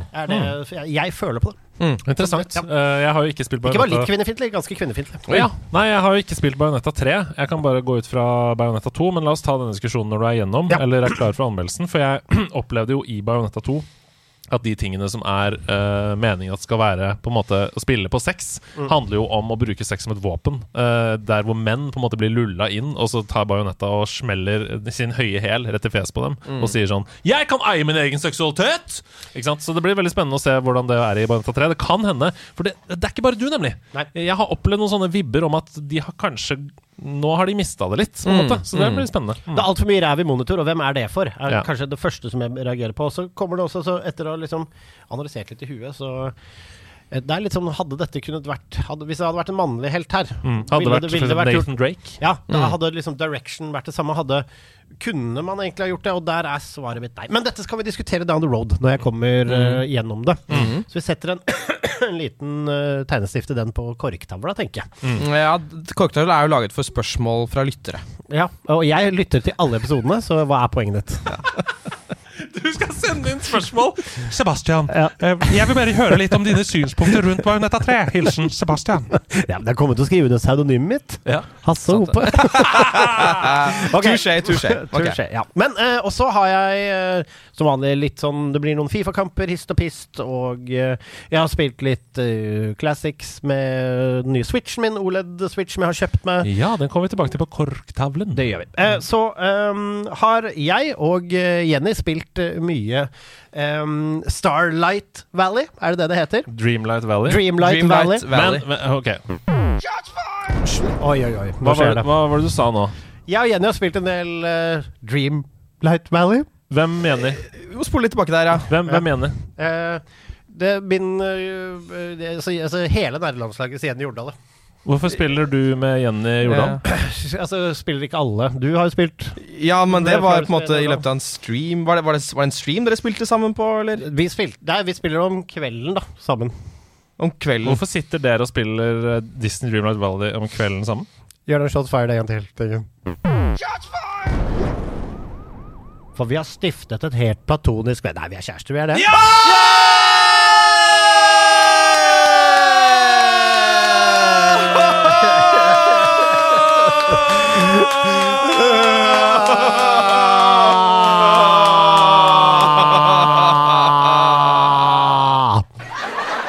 Tusen takk. Oi, oi, oi, det Fantastisk! koker i chatten på Twitch. Det kommer inn med subs og hjerter og herlighet. Det er helt konkret. Hvor er VG? skriver Manji. Ikke tips, ikke, så de kommer ikke til å skrive om det. Noen ring BBC, skriver Ja, BBC kan ringe. Hvis de skriver om det, er kult. Men eh, utover det trenger ikke noe presse på det. Men det er hyggelig å kunne dele det med dere, laget. Dette er jo en, eh, en, eh, en, en stor spiller på laget. Altså en, Ja, ja, ja, ja, ja. En, eh, en ving. Nei, så vi har spilt uh, Dreamlight Valley, Ja. uh, og det har uh, Hvem var det som var pushy på det? Var det du? Altså, Ida anmeldte det jo med god, gode Margin. God margin. Nei, med, med gode referanser. Her i nederlandslaget. ja. Eh, ja. Um, nei, altså det er Det var vel Jenny hovedsakelig som Ja. nevnte, så snakket vi om det, og så er det jo inkludert i GamePass. mm. Uh, så det var liksom null risiko. Og så har ikke jeg noen sånn lang tradisjon for å spille veldig mye av sånt, men uh, spilt noe og syntes det hørtes koselig ut. Så da lagde vi en karakter uh, som pga. det utrolig gode systemet heter Player Name. Eh, så det er hyggelig. Det heter Camilla sin òg! Ja, Player name! ja. Fordi hvis du skriver et navn som ikke blir godkjent, bare starter du spillet, og så får du ikke vite det før Marilyn plutselig begynner å kalle deg for player name. Og så prøvde du å starte igjen og bytte navn. Det gikk heller ikke. For det navnet var også budt, så det er greit det skal komme en fiks på det. Men nå heter karakteren player name, og vi er blitt veldig glad i player name. Player name ser ut som meg, men har veldig Det er en annen morsom ting. Det er en mannlig karakter som ser ut som meg, men det er veldig tydelig at utviklerne her tror at det er flest kvinner som kommer til å spille dette spillet. Fordi så langt man kan gå i å si at fakter kan være feminine og maskuline, mm. så er det noen Det er noen bevegelser her som ikke er utprega sånn som min litt sånn runde, kraftige karakter ville ha beveget seg. Det er mye piruetter og stilig pizzazz. Ja. Men det koser jeg meg med. Men Eh, din, eh, din karakter kunne jo ha eksempel gått på ballett i barndommen og ikke glemt teknikken. 100% men det finnes ikke noen måte å velge liksom, det på. Men altså, herregud, det er en liten ting. Men det byr på komikk. Og det er en eh, hen. Player name er en hen, og player name gjør sin egen ting. Mm. Men det er da vi spiller det og gjør ting. Og det er veldig sånn send. Og det er liksom noe som kan stå og surre. Man kan gjøre andre ting. Man Mm. Ja, kan prate, og man kan bare uh, hangle på. Så det er veldig sånn koselig sammen å avgjøre sånn Ja, nå kan vi gjøre det, og kan gjøre det. Så det er sånn spille sammen-ting, prosjekt som uh, liker godt. Og liker det overraskende godt, altså. Ja. Eh, Men det er noen ting å trekke for det, som f.eks. jeg syns musikken er veldig fin, men det blir ekstremt enerverende til tider. Det er veldig mye loops på ting. Det er veldig masete karakterer som plutselig spretter opp, og det er veldig mye som skjer sånn. Men det kan sikkert gå bedre etter hvert. Men eh, koser seg med det, så det har blitt en del Do Starlight Valley Star, Stardew Valley. Ja, Stardew Valley, Starlight Dream, Dreamlight. Valley Star En dag kommer du til å lære deg Crossing. tittelen. Ja. Nei, men det er utrolig koselig, det spillet. Og det er akkurat som du sier, at jeg tror det er um, Akkurat som at Animal Crossing kom og tok påskeferien uh, da korona kom, så tror jeg dette rett og slett kan ta manges juleferie, altså. For det er veldig sånn senke skuldrene. Vi har ikke noe ansvar nå. Romjula, kose seg, eh, plante noe gulrot og snakke med Marilyn. På en måte. Ja. Eh, det er deilig. Og så er det musikken fra Disney og alt, ikke sant. Så, Ja, musikken er til, altså, til stadighet veldig fin og underholdende. Det er bare sånn noen ganger når du er lenge et sted, eller hvis du Ja. lenge på deg. Så det er noen sånne småting. Men det er et veldig koselig spill. Anbefaler. Og hvis du har en Xbox, så er det no-brainer. Fyr opp og hvis du syns det høres fristende ut. Så det er egentlig um, veldig hyggelig i høstmørket å komme inn der. Det er En annen ting er en sånn internklokke som gjør at når man egentlig bare har tid til å spille på kvelden, så er det alltid kveld. Mm. Ja. Uh, Så det fikser man med å gå inn og endre tidssone på, på menyen, og så får du spille litt om dagen også. Så det er Ja. veldig deilig. Nå som det er så mørkt her, så kan det i hvert fall være lyst i Så du har spilt Jakarta-tid? Jeg har spilt på Jakarta-tid, eh, men det, jeg spiller det meste i Jakarta-tid. Jeg lever, jeg lever i Jakarta-tid, altså. Nei, Det er deilig å høre. Eh, Det var jo mange som gjorde det med Animal Crossing også. Mm. Nettopp fordi de ville f.eks. ha juleevent eh, når det var sommer, sånn at de stilte på Australia-tid. da Ja. ja. Det er litt hyggelig. Nei, så det er det jeg har Det er det jeg har spilt siden sist. Det er fantastisk å høre. Er det noe mer dere vil legge til? Hasse, har du lyst til å gi en anmeldelse, uh, kjapp anmeldelse av eh, sombreros? Dette potetgullet som er sånne hatter, sånne meksikanske. Ja, altså jeg syns det er en veldig spennende uh, form på, på det. Eh, jeg syns ikke det er krydra nok. Og jeg tror de har en liten vei å gå når vi da har Smash, som i tillegg har sjokolade utenpå. Ha med, ha med dag. hey, hey. Ha med, ha med dag. Ha med ting etter ditt behag. Da, gutta! Jeg sitter her og lurer på Hva har Hasse med seg i posen sin nå? Han har glemt det hjemme, men det gjør ikke noe det. For Andreas, han vet det. Han har med seg te. Jeg sa jo til dere først at det var bare deg og meg. Deg og Så Hasse skulle ikke ha med noe. Det gjør ikke noe med deg. Men skulle jeg ha med meg noe, eller var jeg også fritatt? Du er ikke fritatt. Jeg har ikke med meg katt! Selve organiseringen av Ha-med-dag ble altså jingle denne gangen. Det er fantastisk. Ok, Sebastian, du graver nedi sekken. Ja, men det fordi sekken er mye dritt i så jeg, Ja, jeg håper er det- det kan hende jeg har med ha Har du med, med deg en det iPhone-lader, da? Ja, ha med. Meg! Ja, Sebastian har med seg noe. Han graver opp fra sekken her. Du hører at han har en tre-fire-fem potetgullposer han har knabba fra Ok, House of Nerds. jeg har med noe. Jeg har med noe. Ja, Jeg har ikke knabba fra Dette her er assorterte ting. Ja, jeg ser det da. Stjeler ikke fra egen bedrift. Nei. Ok? Eh, ok, jeg har med meg to ting, Andreas. Ja. Og begge er praktiske ting nå i eh, ja, generelt. Noe er generelt. Åpne ørene for praktiske tid i adventstiden. Praktiske ting i adventstiden. Den er ja. veldig ekkel og møkkete, men den ser jo Den er veldig møkkete, men den ser bare stream. Ja. Jeg har med denne O'Keefes Lip Repair. O'Keeves lip Ja, men det begynner å bli kaldt nå. Og hvis du er som meg og kan få leppetørrhet, så er det veldig få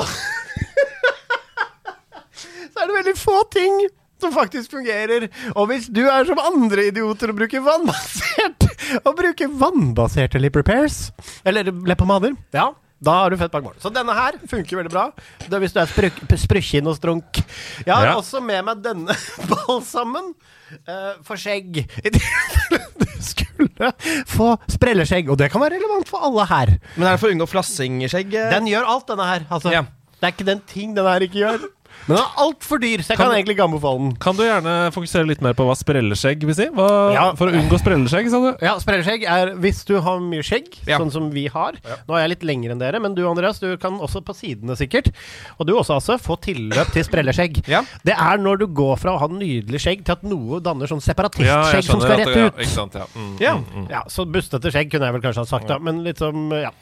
Så i dag, det var litt mer, Ja. var litt mer velvære enn Ja, men gaming, kanskje, i min du jo, ja, men Det handler om nerdeting, og du er jo nerd på skjegg. Jeg Du er skjegg veldig opptatt av skjegget ditt. Ja, og lepper. Ja, og vet du hva? Eh, Det handler om nerdeting, og det var det du sa. Det er veldig mange vannbaserte lepomader som ødelegger mer enn de gjør glede. F.eks. Lypsyl. Ja, Midlertidig avlat. Ja, og så blir det verre enn før eh, Ja. du begynte. Litt som å klø på myggstikk. Eh, Så det var, veldig, det var nerdete at du sa da at dette var en lepomade som var fettbasert, var det du sa? Ja, den er, ja, fettbasert, det er vel alle. Men uh, ja, den er, den er den, Oi, ikke sant? Ja, Oi. for nå tester du den ut her, live i studio. Ja, da mm.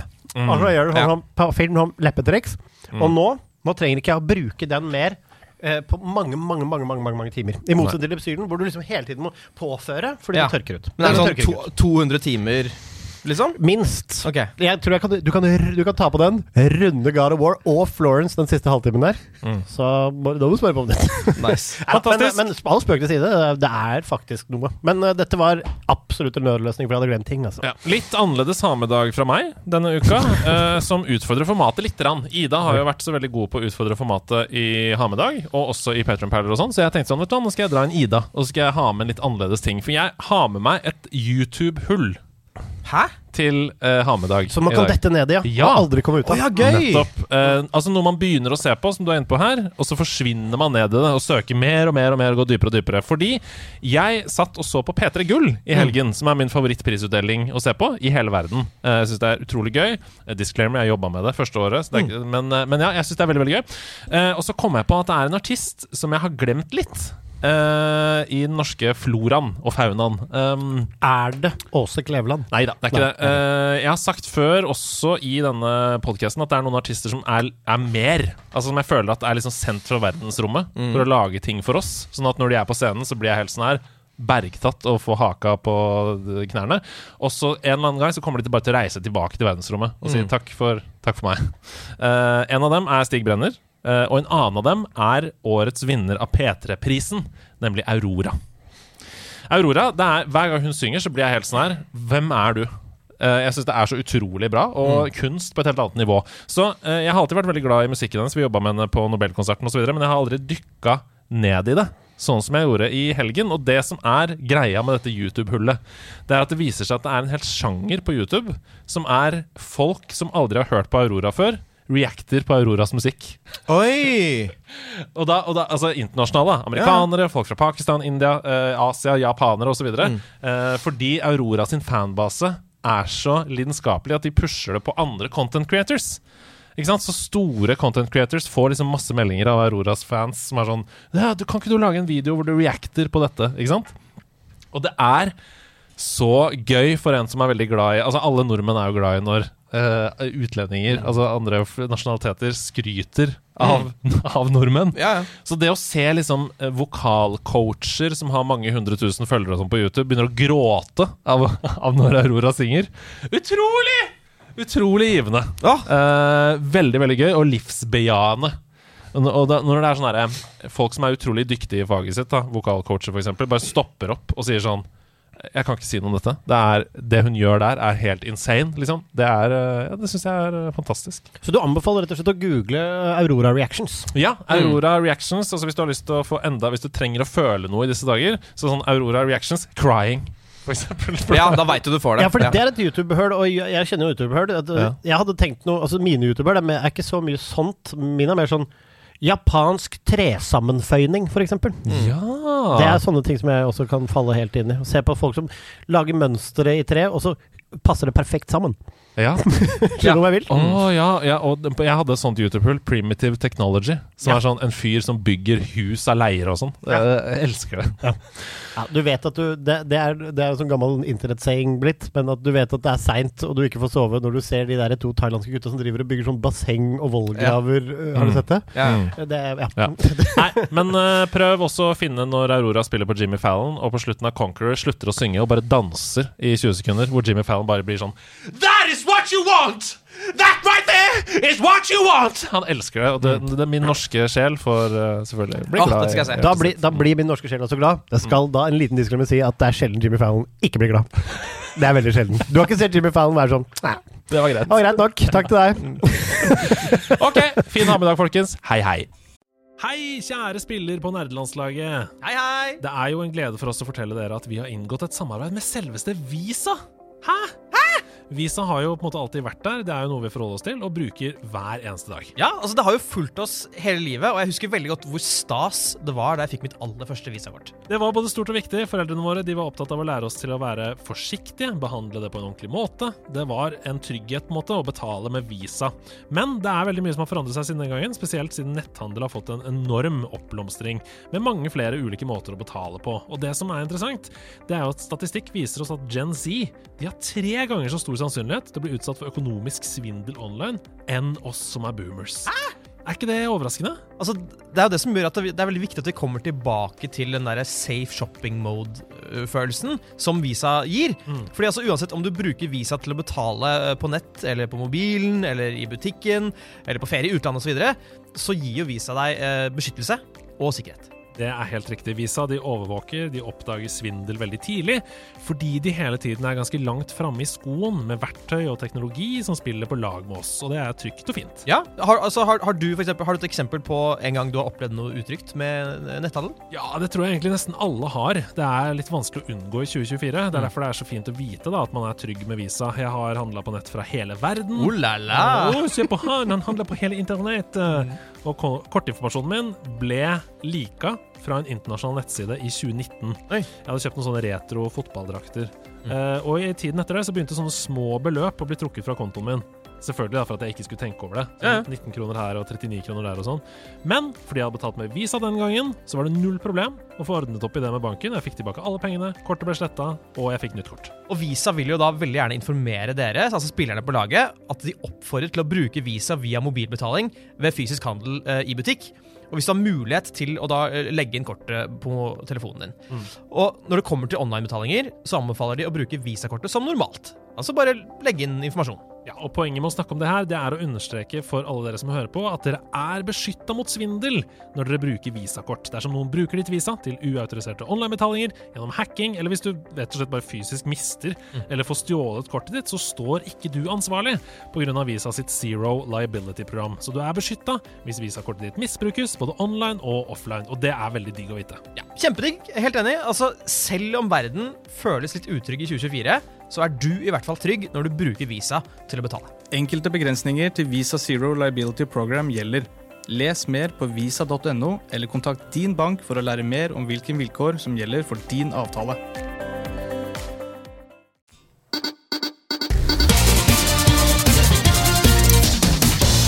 Klompelompa! Mitt navn er Andreas Hedman, og dette her, det er Nerdenytt.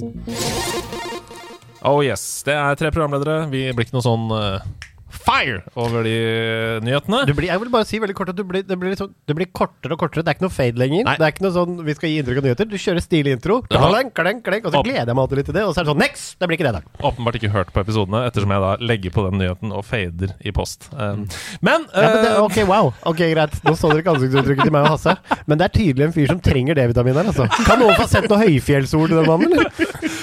Ok, NFI de har vært ute med pengesekken igjen. De har gitt 15 millioner kroner til ti kommende norske spill. Bra, bra, bra. bra. Fint. Eh, og da gjør jo vi som vi pleier. eh, nemlig er såpass arrogante at vi bestemmer hvor mye penger vi ville gitt! Basert på den lille heispitchen da som står om disse spillene. Og dette er gøy, fordi nå får de som hører på, både på en måte et innblikk i spill som kommer, og vi kan liksom leke litt. Så Skal vi ta høyde for hva budsjettet er totalt, eller skal vi bare Neida. bruke drømmene? Vi skal skyte Vi fra hofta. Det første spillet er Emil i Lønneberget-spillet. Kommer fra Ravn Studio. Utviklerne sier at spillet vil være fylt med rampestreker, og at Emil må greie å komme seg ut i snekkerbua i tide etterpå.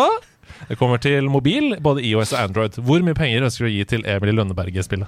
Ja, hva har, Ravn, kan du si noe Ravn Studio har lagd før? For det klarer jeg ikke å tenke på off the top of my head. Nei, de, har vel, de står vel bak sånn Kaptein Sabeltann-spill og sånn. Dette er, de, dette er for de minste litt, eller? Eh, ja. Ja. Har ikke de Jeg må innrømme at dette får jeg litt sånn Jeg får Har litt vel sånn, laget Flåklypa Grand Prix-spill òg? ja, jeg får, li- ja, men jeg får litt sånn vibb av det. Som er, ikke- som, det er en sånn distinkt eh, type spill. Og så Ja. Emil Lønneberget, en IP som jeg kanskje ikke tørste mest etter, Mhm. eh, må jeg også si. Så jeg personlig ville vel kanskje ikke tenkt at Skyt fra hofta nå, kom igjen. Ja, ja, men faen da! En mil, da! Det skal få en mil! ja, en mil. Hvor mye? 350 000. 350 000. Emil i Lønneberget har fått 1,2 millioner, så det var bra. eh, Det var nære der. 350 000! Ok, vi skal til The Bog Oi. fra selskapet Nightmire. Spillet er et emosjonelt og vakkert eventyr hvor babyoteren Lino må redde små dyr i nød gjennom å utforske en skummel undervannsverden fylt med monstre. Det er planlagt utgitt da på PC, PlayStation og Xbox, så står flere konsoller her. Norsk spill. The Bog fra The Nightmare. Bag. Ja, det, jeg syns det er noen fine adjektiver de bruker der. Dere er- kan kjapt få se på arten, sånn at dere får litt mer inntrykk av hvordan det skal se ut. Ser litt sånn Ori-aktig ut. Dette er veldig Ori. Ja. Det så pent ut, ja. ja, det er pent. Oi, jeg, jeg, jeg åpner eh, pengesekken, jeg. Mhm. Vær så god. 5,5 mil. 5,5! 5,5! Ja. Rett i fòret! Rett i Ja. fòret. Uh, jeg sier eh, tre. Dere skal få tre. Ja, de har fått én mil Uh, fra NFI, så det, men det er fint med en mil. Ja, Men altså, fikk Emil i Lønneberget spille mer? Ja, men det ser veldig pent ut. En Men, er det, men da har Astrid Lindgren-museet vært med å, å spandere Det kan hende. Ja. Setback, eh, spill fra Riddlebit, som jeg spilte litt nå nylig og snakka om i nederlandslaget under sånn beta week på Steam. Eh, skytespill hvor du ikke dreper motstanderen, men du sender dem i stedet tilbake i tid. Når de skyter dem. Sånn at for eksempel du har et objektiv du skal førstemann tilbake, så kan du velge. da Det er risk reward. Skal du gå for objektivet, eller skal du skyte på motstanderne dine så de blir satt tilbake? Ikke Ja. sant? Eh, hvor mye penger tror du de har fått? Og hvor mye penger har dere lyst til å gi? Jeg elsker når det er sånne uh, nye måter Altså nye spillmekanikker. uh, sånn nesten uavhengig av hva det er. Så jeg syns de skal få prøve seg på det. De får faktisk eh, 2,9 millioner. 2,9 millioner fra Hasses eh, filminstitutt. Ja, jeg tipper at hvis denne mekanikeren er god, så har de fått en del. For det kan fort, eh, det kan fort avle noe. Ikke sant? Sånne Ja, spennende eksportvare, prosjekter. ikke sant? Ja, Ja, eksportvare. mm. Så jeg tipper at de har kanskje har fått to. Men eh, jeg har vært villig til å gi dem tre. Oi! Du hadde gitt dem tre. Eh, det hadde nok de satt pris på. Fikk én million fra NFI. Emilie Lønneberg har skaffa mer enn det! ja, altså, faen! Altså, det, du ga Emilie Lønneberg 350 000 kroner, så jeg ga det. Jeg, jeg ga i hvert fall Men vet du hva, kanskje det er en mekanikk der, så hvis du skyter fersa fersan, så går du tilbake i tid og kan spikke tre gobbis her. Altså, Annika opp i flerstangen. Flere Svensken sitter løst. Ok, vi skal til Leviathan VR. Jos reise, som er fra spillselskapet Breach. Og du styrer Joe, da, eller Jo, som er en yrkessjåfør. Eneste menneske om bord på et frakteromskip som heter Leviathan. Eh, arbeidsdagen går skeis når en diger portal åpner seg, og skipet da reiser gjennom. Oi. Så det kommer til VR på PC, MetaQuest og PSVR. Så dette er VR-spill. Ambisiøst. Ja, jeg må si med en gang så synes jeg kreativiteten i heispitchen her eh, Dette er jo vi skal mene. Jeg mener at heispitchen her er svak. Jeg mener at dette holder ikke for meg. Det, dette har jeg sett hundrevis av ganger. At dette er trucking simulator in space. Det har vi litt dangerous, vi har mange ting. Jeg skjønner at det er strømlinjeforma og VR, men allerede når skipet ditt heter Leviathan så mener jeg at da spiller du på kjente strenger. Ja. Altså Det føles ut som det finnes ikke en romfilm hvor det ikke er et skip som heter Leviathan, Prometheus eh, Nebukadnessar. Nebuchadnezzar, Sondre. Mange forskjellige romskipnavn som går igjen. Men jeg mener at uh, Sondre Space. Så dette, dette trigger meg ikke. I tillegg så er det VR, som jeg vet at gjør det enda vanskeligere. Så her må de enten ha avsindig mye penger, eller lite, og se om de har noe veldig kreativt på lur. 500 000. 500 000. Eh, jeg, jeg er heller ikke blown away av dette her, og det er veldig kjipt i tilfelle jeg plutselig møter de som lager det på byen, eh, og de kommer bort til meg og sier ja, faen, hvorfor vil du bare gi meg 200 000? Men dere får 200 000. Ja, De har fått 800 000 fra Ok. NFI, så åpenbart tenker de også at her er det noe potensial. Vi, får- vi får se. Ok, uh, Mechjesty, som jeg syns er en veldig kul tittel. Mm. Mechjesty, altså ordspill på Majesty, bare med Mac. Majesty, ja. Altså, ja, Ja. eh, Mechjesty fra Skinny Bandit, Oslo-basert. Jeg syns eh, ikke ordspillet er godt, altså. Nei. Ok. Dette PC-spillet er altså et dekkbilder-eventyr som er satt i et steampunk-univers, hvor tidstyven Timer har stoppet tiden, og froskeprinsessen Froline setter ut der for å stoppe han. Altså, jeg liker et godt ordspill. Froline som en frosk. Timer som tidsbanditt. Altså Majesty. Altså jeg syns ikke ordspill er godt. Altså Et båtspill Boatjesty. Det er ikke godt. Altså Flyjesty. Det er ikke et godt ordspill. Tablejesty. Du kan, kan Ja. Det Hvor ruller ikke, gi Mechjesty fra Skinny Bandit? Eh, 310 000. Ja. Mm. Jeg synes Dette trigger meg ikke. Og, men har de noe nytt og kreativt? Jeg hører ingenting nytt og kreativt der. Jeg hører Deckbuilder. mm. Og der er det mange om beinet som har fantastiske ideer. Så hvis de har noe, så kunne de fått mer. Men denne heispitchen, det holder ikke for meg. 100 000. Ja, De har fått eh, 600 000 fra NFI, eh, men dere må også huske da at dette er jo de som har kommet gjennom nåløyet. Det er jo mange andre søknader som ikke har fått noen penger. Ja, men så- du, det- kriteriet her er, og det må vi si til Ja. utviklerne hvis de hører på også, dette er Vi hører bare heispitchen. Heispitchen. Ja, vi har Det er kriteriet. vi, ja. Ja. Kriteriet er heispitchen. Ok, Dpad Studio, vi kjenner jo dem fra Owlboy og Vikings on Trampolines blant annet. De har kommet med et, eh, en heispitch som heter Supernest. Uh, der er noen av småspillene satt til tidligere spill fra studio, mens andre er nye. Altså dette er, dette er en virtuell stue uh, de prøver å lage her, hvor du kan kunne spille en rekke sånne 8-bit småspill. Med Owlboy-figurene, Otis og Geddy. Noen av de småspillene er satt i da tidligere spill fra studio, andre er nye. Sånn som f.eks. Snack Stack, et puzzlespill hvor du skal bygge et tårn av junkfood. Dette skal ut til PC og Switch. Kan kanskje sammenlignes litt med liksom minigames i Mario Party, eller WarioWare, da, kanskje. Ja. Uh, Super Nest. ja. Dette, Altså, ja. nei, eh, nei, altså det Hva kan man si? Altså, det, det jeg tenker er eh, Så lenge det er Dpad som lager det, så vil jeg gjerne gi dem alle pengene som fins, Ja. fordi vi vet hvor flinke de er. Mm. Derfor vil jeg gi dem åtte millioner. Selv i heispitchen er jeg ikke Du stoler ja. til noen minigames. ja. Nei, altså jeg må innrømme at dette føles litt ut Altså sånn I heispitchen så kommer det litt sånn at dette virker litt for tidlig for dem å lage øh, med de karakterene, men så skjønner jeg at dette er mye mer, da.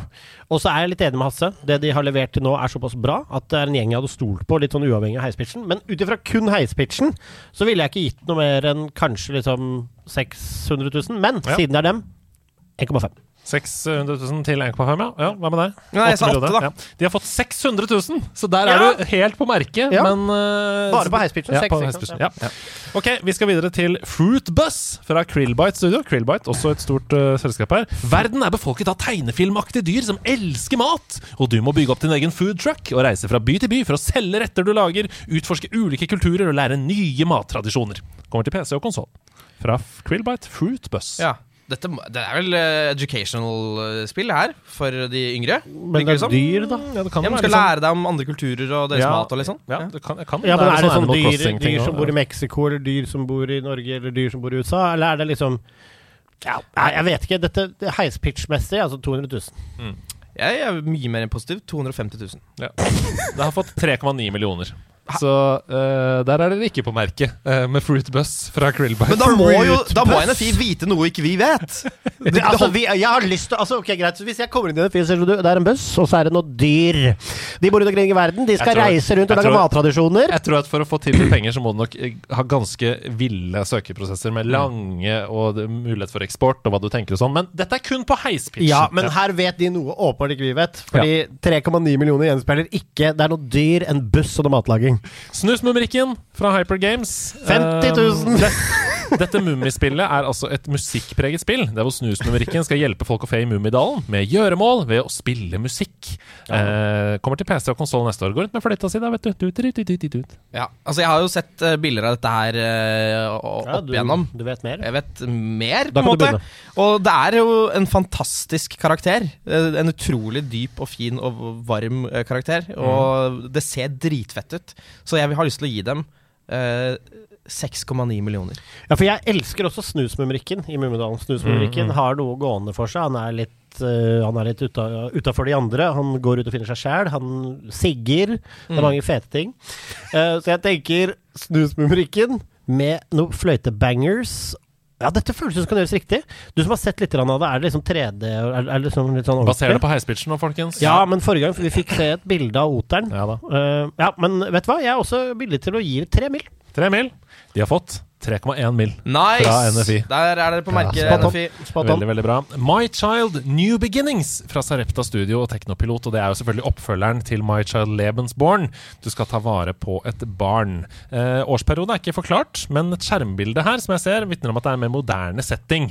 Eh, at man møter bl.a. barnet Karin. Og utvikleren sier at da omsorg, filosofi, traume, forsoning og gjenoppbygging er tema for spillet. Til mobiler og til Switch. Du hadde, du hadde blåst hele budsjettet på det spillet, Andreas? Nja Nei? Kanskje ikke basert på heispitchen. Jeg vil ikke, ikke legge noen føringer her. Fordi det, for, det foregår så veldig tydelig. Det er sånn, Dette er Lebensborn-barna som var igjen etter andre verdenskrig. Ikke sant? Her er det litt mer sånn Det er kanskje moderne, vi vet ikke helt. Ja, det kan, det kan bli noe mer retningsløst, uh, vil jeg tro. Altså, Vi vet jo hva de er i stand til å lage. At Absolutt. det spillet har betydd veldig veldig mye for veldig mange. Og brukes i skolen for å lære om disse tingene. Føles som et viktig spill, kanskje dette også, da. At de kontemporært Jeg mistenker at bak heispitchen her så ligger det noe. Jeg sier 1,5. 1,5, ja. Jeg er litt rausere. eh, 1,55. ja. NFI har gitt dem 1,5! Altså, Sebastian, jobber du i NFI, eller hva? Nei, men altså, jeg har en god nese for sånt. Ja, så jeg alltid hatt jeg liker å dele ut midler. Til slutt så skal vi til Brew fra Snowleaf Studios. Uh, og Snowleaf er jo også kjent studio på Hamar, kommer ut fra Game-kollektivet der. Et tredjeperson action rogelight-spill med et interaktivt eliksirskapingssystem som lar spillerne lage egne power-ups og angrep under kampen. Et stilisert 3D-spill som finner sted i en magisk middelaldersetting, der alle karakterer er en type dyr, og det er alkymi som driver den teknologiske utviklingen i dette spillet. PC og Mac. Her må jeg bare hive meg på. Dette høres ut som a whole lot of seen it before, med kanskje et spennende system. Ja. Action Eh, rogelight. En action rogelight med litt sånn middelalderpreg, og så er man dyr igjen, og så er det noe alkemi. Jeg syns ofte potion mixing er det kjedeligste ting, så jeg blir ikke veldig trigga av det. Nei. Men igjen, her kan det ligge noe. Jeg sier 650 000. 650 000. Ja. Eh, jeg syns ikke det var en spesielt tydelig idé. For å bli gira så trenger jeg en litt sånn renere, litt sånn high concept-greie. Sånn 'Å ja, ok, det er det dere skal gjøre'. Mm. Skjønte det ikke helt. Eh, dere får eh, 650 000. Ja. Brew har fått 1 million 364 000. Det er veldig spesifikt. Så kan- jeg tipper det er det de har på en måte Ja. Altså det er et eller annet budsjettgreier her. Som er Ja. sånn Så 364 000. Gratulerer til dere, og gratulerer til alle! 15 millioner kroner til dere. Eh, Det er vi veldig glad for. Kunne vært mer. Vi skal ut av Norge, vi, eh, til utenriks. Nintendo annonserte på torsdag at de globale salgstallene til Pokémon Scarlet Jeg skal bare ta en sånn artig nyhetsvignett. Ja. Det liker jeg. De globale salgstallene til Pokémon Scarlet og Violet har basert, passert over 10 millioner solgte kopier gjennom da lanseringshelgen. Med andre ord så er altså disse spillene Nintendos bestselgende spill noensinne. Mm. Pokémon Scarlet og Violet. Og dette er jo kjøp som kom før folk flest hadde spilt det, og før de hadde sagt sin mening, så det er upåvirkede kjøp. Det må jo være gjort en veldig god jobb i forkant her, markedsføringsmessig. Og så må jeg bare understreke akkurat det, da. At eh, anmeldelsene ligger på syv av ti på Metacritic. IGN ga det seks av ti. Og folk flest hadde jo som sagt ikke rukket å spille det og si sin mening de første tre dagene. Så hva tenker dere er grunnen til at dette spillet selger så voldsomt? Det er, altså, det er jo verdensmestselgende IP, da, eh, i mange instanser. Det er mm. TCG, det er både sånn kulturelt uh, mangaer, kort, alt mulig rart. Det er verdens største franchise. Det er- Underholdningsfranchise. Ja, ikke sant? Så det sier jo sitt. Og man har jo sånn tradisjonelt sett ikke sett disse spillene ryke på ordentlige smeller. Det har jo stort sett vært gode spill, om så uhyre safe, men formelbasert. Så jeg tror her med liksom den nye greia, og Arcus som også liksom satt en liten sånn Ga deg en liten eh, smak Feeling, ja. av hva dette kunne bli, så tror jeg nok folk stoler ganske blindt på Game Freak, er det det det heter? Um, så jeg tror det er en blind tillit til det, og til ikke, ikke minst Nintendos kvalitet. uh, og deres eh, absolutte krav til i hvert fall at spillene skal være høyt fungerende, som de har nå.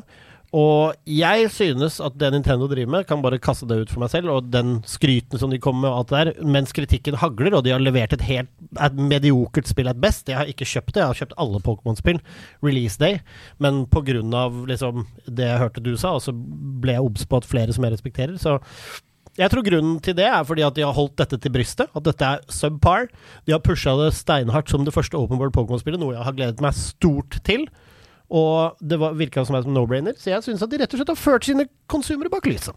Mm. Du har jo aldri spilt noe Pokémon-spill, så kanskje ikke noe Nei, jeg har jo ikke det. Uh, men jeg tenker jo sånn at det at Arcus funka såpass bra som det gjorde, beviste at de kunne på en måte lage et sånt open world-spill. Og at Hvis ikke man hadde hatt det, så hadde det kanskje ikke blitt like enormt. Fordi da ville man kanskje tenke sånn Oi, men vi vet at Pokémon funker, men funker det på en sånn måte, da?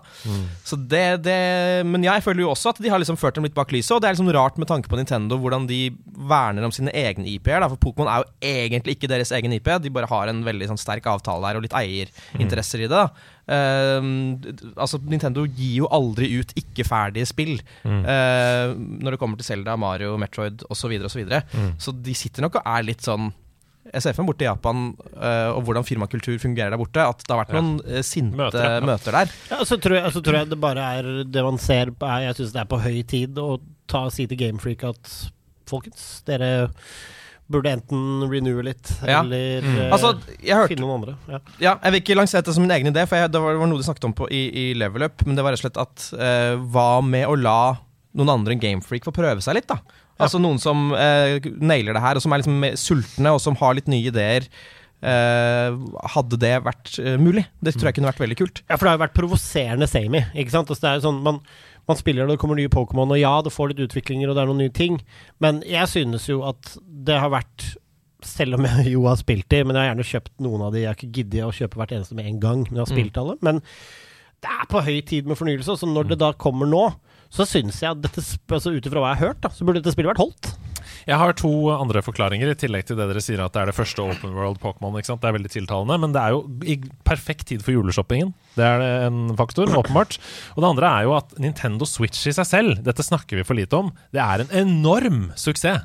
Alle har en Nintendo Switch. Og vi så jo at eh, det samme skjedde med Splatoon 3 tidligere år. år. Plutselig ble det tidenes mestselgende Nintendo-spill. Bestselgende. Bestselgende, ja. Eh, raskest selgende, ja. Ja. Og sannsynligvis kan det også komme opp i ja. Men, men sant, bestselgende på raskest tid. Så det er, handler jo også om tilgangen på konsoll. Den er billig, og nesten alle har det. Eh, mer Nintendo. Litt sånn ref det dere snakker om her nå.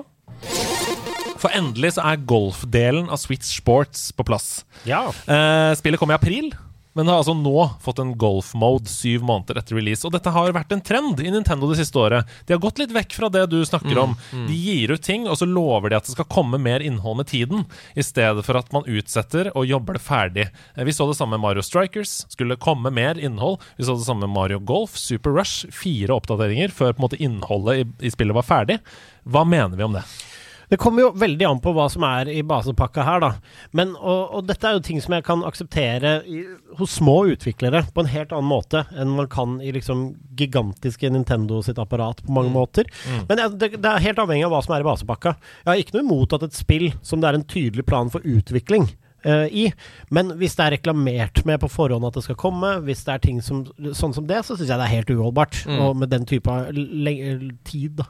Ja, Ventetid. Det jeg syns er litt sånn interessant, er jo på en måte uh, Et sånn gjennomgangstema for Nintendo har alltid vært at de er veldig sånn Det tar lang tid før de utvikler seg. Altså De, de ligger liksom litt bak når det kommer til uh, for eksempel altså, det å bruke CD eller mm. DVD-teknologi. De hadde cartridges veldig mye lenger enn de andre. De var, alltid, de var veldig treige med å liksom implementere online-spilling, mye treigere enn de andre. De, altså, og det var ikke så farlig, fordi de hadde så bra spill. Og at kanskje dette er et eksempel på at nå Først nå har de begynt å gjøre sånn som de andre spillselskapene. Og, og nemlig tenke at ja, ja, er det så farlig om spillet er ferdig? Vi kan jo bare oppdatere det. Ikke sant? Fordi dette begynte folk med for ti år siden, de andre eh, selskapene. Ja, men altså jeg synes, jeg synes at en av de tingene Nintendo har, de er aldri de al- de er aldri de råeste på teknologien. De aldri de som har den villeste grafikken, eller pusher ting videre sånn rent visuelt. Eller, de har vært det, men du skjønner hva jeg mener. Men det de alltid har vært nesten helt sånn ufravikelig best på, er helstøpte spill Ja. som kommer rett inn. Du vet at når du plugger inn et Nintendo-spill og en IP du er glad i, eller, no, eller med en karakter du kjenner, så er det nesten alltid bra. Og det er nesten alt du vil ha, og fantastisk. Og så kan det jo i moderne tid, har det kommet, det har kommet tillegg til Breath of the Wild, ting som gjør det bedre, men basepakka har alltid vært god. Og jeg tror de skal være ganske forsiktige. Ja, enig. Det settes flere rekorder i bransjen. God of War Ragnarok er det raskest selgende PlayStation-eksklusive spillet i historien, mm. med salgsrekord for hele God of War-serien i løpet av sin første uke. Det er en enorm suksess for PlayStation. Vil dere gjette på hvor mye det betyr? Altså antall eh, solgte enheter. Mm. Vi hørte jo da at det var ca. 10 millioner på, på Pokémon. Mm. Uh, jeg vil tippe 7 millioner. Fem. Det er 5,1 millioner solgte Hva skjer med deg i dag?! på Jeg er én uke. jeg er i form. Og som du sier, da, vi vet at Pokémon solgte 10 millioner på tre dager. Her er det 5,1 millioner på én uke. Ja. Så forstår vi jo styrkeforholdet PlayStation-Nintendo eh, Ja. om dagen. Men, men, så, men det er jo, altså, nå bare spør jeg, er det ikke Nei, for det, selvfølgelig, det er ikke solgt flere PlayStation 5 enn Switch. Nei. Eh, men det er, det er solgt flere PlayStation 4 enn Switch enn så lenge. I tillegg så Ja. er God of War et mature-spill, mm. og Pokémon er for alle. Ja, ikke sant? Ja. Det er trøbbel i paradis. Vi meldte nemlig i januar, da Microsoft slapp nyheten om at de skulle kjøpe Activision Blizzard, at dette ikke nødvendigvis var en dans på roser å få til pga. konkurransetilsynet i USA. De er jo, som vi vet, fint lite glad i monopol i sitt frie marked, som Amerika skal være. Nå ser det ut til at vi hadde rett, nemlig. For uh, det anerkjente amerikanske mediet Politico de skriver at The Federal Trade Commission sannsynligvis går til søksmål for å blokkere Microsoft sitt 659 milliarder dollar kjøp. Uh, 69 milliarder dollar kjøp, ikke 659 milliarder dollar. Nei, men det var i kroner, da. 69 milliarder dollar kjøp av Activision Blizzard. Og dette er ifølge tre kilder med da kunnskap om saken. Og dette er langt fra sikkert, altså, men dersom det skjer, så sier disse kildene at det kan skje allerede i desember. Uh, og sentralt i bekymringene er oppkjøpet av Activision om det kommer til å gi Microsoft en urettferdig fordel i gamingmarkedet. Xbox er jo i dag nummer tre i det amerikanske markedet, bak både Nintendo og PlayStation. Eh, likevel så er det Sony som er den største klageren mot avtalen. De mener at dette kommer til å gjøre Sony betydelig dårligere stilt. Eh, de sier også at avtalen ikke bare vil skade deres evne til å konkurrere, men vil også gi forbrukere mindre valgmuligheter for spill, og utviklere mindre valg for hvor de skal publisere sine spill. Um, Google er også motstander av avtalen. Uh, ifølge to av kildene De har hevdet at Microsoft med vilje har forringet kvaliteten på GamePass-tjenesten når den brukes med Google Chrome. Sånn at folk skal styres mot Microsoft-produkter, altså Microsoft Edge istedenfor uh, Google. Eh, og selskapene de har jo da frist til juli neste år på å gjennomføre kjøpet uten å reforhandle avtalen. Eh, hvis det kommer et søksmål, så kommer ikke dette å bli løst innen juli. Så Derfor så tvinger det i praksis da, selskapene til å forlate avtalen og lage en ny. Um, det ser dårlig ut uansett, fordi reguleringsmyndigheter i både Europa og Storbritannia har også åpnet etterforskning av denne avtalen, som betyr at selskapene uansett tidligst ikke kan seale deal før til våren. Hva tenker vi om dette? Er vi for eh, dette kjøpet? Er vi for fri konkurranse? Mm. Syns vi det er rart at Sony er den største klageren? Nei, nei, nei, det er ikke rart i det hele tatt. Uh, og jeg og vi har vel egentlig vært litt sånn imot eh, dette kjøpet helt siden det starta. Og jeg tenker liksom jeg skjønner at det er kjipt for, for Microsoft å liksom hele tiden skulle ligge bak, men de tar jo hele tiden innpå. Og jeg har liksom lyst Det hadde ikke gjort meg noe om de liksom plutselig var på førsteplass, men da må de gjøre det på, på liksom redelig vis, ved å bare lage gode spill, eksklusive spill, og bare ha en god, uh, et godt gamepass. De er, på vei. liksom de er liksom på vei. men- ja, ikke sant? Mens her bare benytter de seg av at de er veldig, veldig mye rikere enn en Sony og Nintendo. Altså veldig Ja, ja. mye. Eh, og det føler jeg er å jukse. Ja, og så tror jeg sånne, sånne monopolsammenhenger, altså der hvor konkurransehensyn eh, Eller konkurransen blir eh, svekket, som jeg mener at, dette, at det blir her. Her er det jo om å kjøpe. Da blir det en kjøpekonkurranse. Og jeg tror uansett i en sånn konkurranse, straks du får steile fronter, og PlayStation må svare med å kjøpe noe, eh, de må svare, og så får du bare to leire som gjør at det, for å kunne oppleve mest mulig spillkultur for oss, så er vi nødt til å punge ut mer penger for flere konsoller. Eh, ikke minst. Ja. Så jeg tror jeg, jeg er ikke noe for det i det hele tatt, og det gir dem også en, en kontroll som jeg mener er helt uh, urimelig. Så jeg sier jeg er imot. Det blir spennende. Vi tar, eh, vi tar kjapt med at eh, Polyphony vurderer å gi ut Gran Turismo 7 på PC. Uh, Istedenfor å bare holde det på PlayStation som de har gjort tradisjonelt. Uh, tror vi det er noe som folk vil ha? Ja. Det tror jeg også. Det er mye lettere å kjøre med ratt og pedaler på PC. Det er mye lettere å manipulere eh, innstillinger osv. Og Er det du dette ikke- nedtur for PlayStation? Ja, det vil jeg nok tro. I hvert fall i sånn som klimaet er. Men hvem er vinnerne? Jo, det er konsumere med PC, det. Ja! Vi skal til været. Vi tar med oss to store titler som slippes denne uka. her Og Først ut er Warhammer 40K, Dark Tide, som kommer onsdag 30. november. Og det er rett og slett et førstepersons actions skytespill som du kan spille sammen med tre venner samtidig. Eh, Jeg syns det ser veldig lovende ut for fans av den sjangeren. Det, det ser ut som Borderlands møter Doom, Ja. rett og slett. Altså, det er litt så- samme tråden som Vermintide, er det det det heter? Eh, ja. Eh, som er veldig gøy eh, online, å spille med venner og sånn. Som jeg Mhm. spilte faktisk en god del. Ja. Og Nei, altså, det kan ikke se at Altså, det kommer nok ikke til å spille dette, tror jeg, med mindre det bare blåser alt. Men det kan jo ikke være kjedelig heller, kanskje. Nei, Hvis man liker sånne skytespill og Left 4 Dead og sånne ting, så absolutt. Ute først og fremst på PC. Eh, det står at det skal komme til Xbox i nærmeste fremtid. Det er veldig dårlig tegn at det er det som er releasedatoen, når releasedatoen på PC er 30. november, mm. på onsdag. Ja, det syns jeg også. Det sier jo også at ikke nødvendigvis de som sitter på rettighetene, og når det først kommer på PC, og det ikke da kommer på Xbox, at det skal komme i nærmeste framtid, så virker det ikke som at det er så viktig for dem, dette spillet. Vi får se. Hm, hadde du lyst til å legge til noe på Ja, på, jeg, du, kanskje du skal nevne det spillet jeg skal nevne nå? Ja, for det er kanskje ukas største launch, launch. Nemlig The Callisto Protocol på fredag. Uh, Steffen Lund var så gira på det i forrige episode at han tok det med i denne værespalten allerede da. Og jeg måtte si det er neste uke, Steffen. Ja, det er Nå skjerpe deg, Steffen. Men det er altså en ny romhorror fra Glenn Schofield, som er mannen bak Dead Space-serien. Og jeg syns det ser drita skummelt ut på de tingene jeg har sett. Jeg gleder meg. Uh, det er, ser helt forferdelig ut! Det er sånn mørk, mørk skytespillhorror i verdensrommet.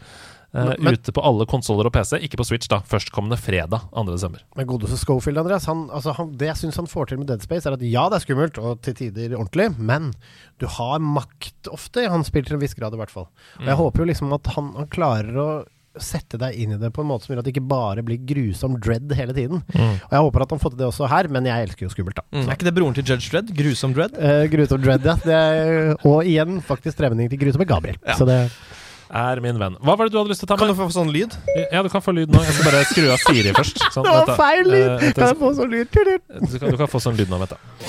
Ja. Jeg har ikke forberedt et manus, men jeg vil også nevne at på, altså, på fredag 2. desember så kommer Marvels Midnight Suns. Ja! Eh, som jeg liksom ikke egentlig hadde fått med meg, og så kommer en kompis bort til meg som spiller veldig mye, som har veldig god smak, og som liksom hele tiden har sagt sånn Æh, faen, Elden Ring eller God of War. Det, blir, det er liksom Game of the Year. Men så sier han, vet du hva, det kan godt hende at Marvels Midnight Suns blir Game of the Year wow. for ham, og det kan det også bli for meg, fordi dette er jo da laget av de samme som, som eh, lager XCOM ja. spillene. Eh, Altså for, for Axis Games. Og XCOM 2, som vi vet, er jo bare Det er noe av de beste turn-based spillene du finner der ute. Og her er det altså med Marvel-karakterer. Mm. Uh, og jeg, jeg tror at altså, hvis dette er gjort riktig, så vil dette garantert komme inn på min topp 10-liste. Det kan bli helt rått. Er, er, er nyhetene ferdige nå, Andreas? Ja. Siden han fikk lov. Kan jeg få lov til å kan jeg, Da sier jeg det. Uh, Klompe Dampe! Hans navn er Andreas Hedemann, og dette var Nerdnytt.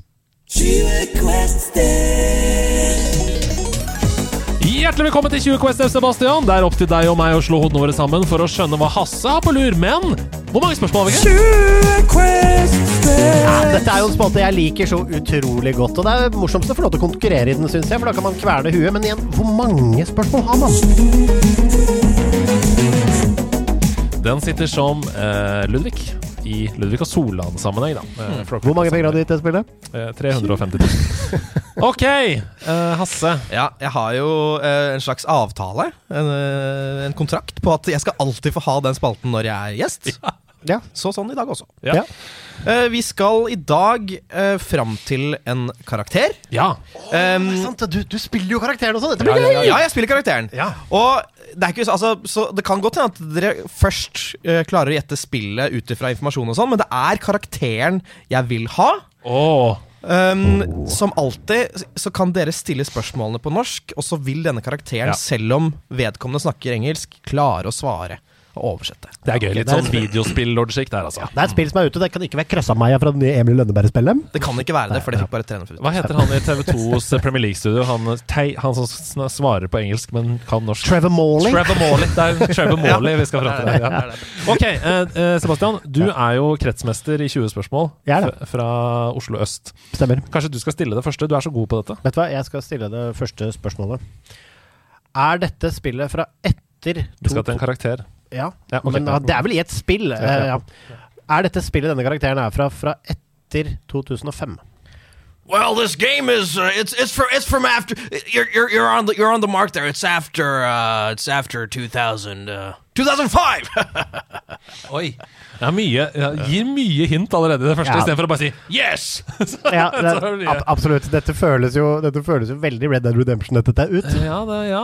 Etter 2005, ja. Skal vi, skal vi si noe om eh, singleplayer eller multiplayer, eller kanskje er det om man skal spille sammen? Er det. dette et spill du spiller først og fremst sammen med Spiller du først og fremst dette spillet alene?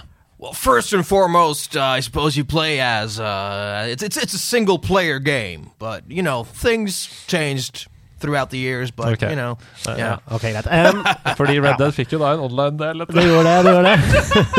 Denne. Men, men, da kommer en lur. Um, Ja, vet du! Eh, ja, nei, fortsett, du. Mm. ja, ikke sant? For vi må, vi må holde det litt mer generelt enda. Ja. Um, ikke sant. Uh, Skal vi prøve å eh, finne plattform? Vi er på to spørsmål. ja. Hvis vi begynner å snakke om konsoll eller PC eller sånn, at vi skal Ja. komme oss inn på um, er det, ja, jeg vet jeg har lyst til å spørre om noe annet. Er, det, er spillet du er en del av, kjent for sin historie, eller for, uh, først og fremst for sin historie? I thought it was yes and no questions here. Well, Yeah. uh, are you changing the rules halfway? That's not the way we play this game. er dette spillet først og fremst kjent for historiefortelling? Altså som en historie? Well, I guess you'd be right about that. Ja. Yes. Ja. For jeg hadde tenkt å si historie eller gameplay. Han ler alltid. Nei, det kan være et hint da. Jeg hadde tenkt å si historie eller gameplay, men nettopp pga. det så ombestemte jeg meg og sa Ja. bare historie. Ja. Um, Det da, er et singleplayer-historiespill fra etter 2005. ja. La oss gå på konsoll. Ja. Dette er du Vet du hva? Skal vi, vi finner Dette høres som det, Vi tror jo dette kan fort være Red Dead Redemption. Jeg tror også kanskje det kan være en charter, Tror du. Ja, det For kan det- det også være. For det kom også en multiplayer-del der. Ja. em, som ble skytete. Skal vi bare kjøre på og spørre om det er på PlayStation? Ja, eller om det er først og fremst på konsoll, kanskje. Ja. Er du først og fremst eh, fra et konsollspill? Console, console. I don't know what the, the, the fuck you're talking about, but uh, yeah, it's from it's from a console, I guess. okay Yeah, that's good old pal. You're my good old pal. PAL Fordi- 1 eller 2? Nei, det er ikke Fordi da, da er jo Red Dead ute av bildet. For det er jo et PC-spill også. Ja, men først og fremst Han sa jo Ja. først og fremst Det utelukker jo ikke For meg så er det da Kom. Skal vi bare klinke til å eliminere PC da, eller høre om du er på PC også? mm. Ja. Er du også på PC? I never used a personal computer myself, and uh, I'm, but I don't think my game series is about to do that either. As far as I know, I could have some some black holes here. La oss prøve å tenke inn i Fordi For meg, så hvis jeg tenker på Hasses spillhistorikk også Som man jo sier på engelsk, er noe svart. Some black holes in my mind. Jeg, jeg bare jeg, eh, Nå er vi på fem spørsmål. Men hvis vi tenker på Hasses spillhistorikk også, så er det naturlig å tenke seg til eh, Den skitne bikkja. Ja, noe sånt. Altså inn i PlayStation-universet. Er du Skal vet du hva? Kan vi bare kjøre Naughty Dog-spørsmålet med en gang? Ja. Er du skapt av Naughty Dog? well, I was born in the good old year of 1950. As a child, I shared a difficult relationship with my lousy father, and as a result, I never developed a desire to raise a family of my own. As a young adult, I served in the U.S. Navy, and then I became a part of a Naughty Dog game. Wow! Det er veldig Ja, ok, eh, men nå, hvorfor fikk vi så utrolig mye hint på det spørsmålet? For han begynner å lukte at vi vet hva Ok, fordi Dette er Uncharted-universet, og da må vi jo zoome inn på hvilke mannlige karakterer vi har der. Sully. Vi har, vi har Sully, vi har Nathan Drake, vi har broren Det er til Nathan Sully, Drake. fordi han har det må være Sully. Det må, Er er du Sully fra, eh, fra Well, you could say I operate both as a smuggler and a fle- freelance thief, and I raised a child named Nathan Drake. So yeah, I guess Sully would be on the mark. På bare sju spørsmål kommer vi fram til Sully fra Uncharted-serien. Hva oh, tenker du om det, Sebastian? Nei, jeg tenker at det var deilig. Det er klart det var deilig. Det deilig. var, eh, vi, har, vi har bomma to uker på rad nå eh, på 20 Quest Steps, så digg å endelig komme til eh, mål. Ja. Uh, veldig bra jobba. Ja, Ja. Eh, og det er klart, det er, noe, det er noe fint med flavoren i denne konkurransen når du Ja. er en karakter. Ja. Ja, det gjør det lettere. Ja. Ja, det gjør det også gøyere. Ja, Jeg. jeg. jeg vet Så- hva, Underholdningen er ingenting å si på her. Takk for det.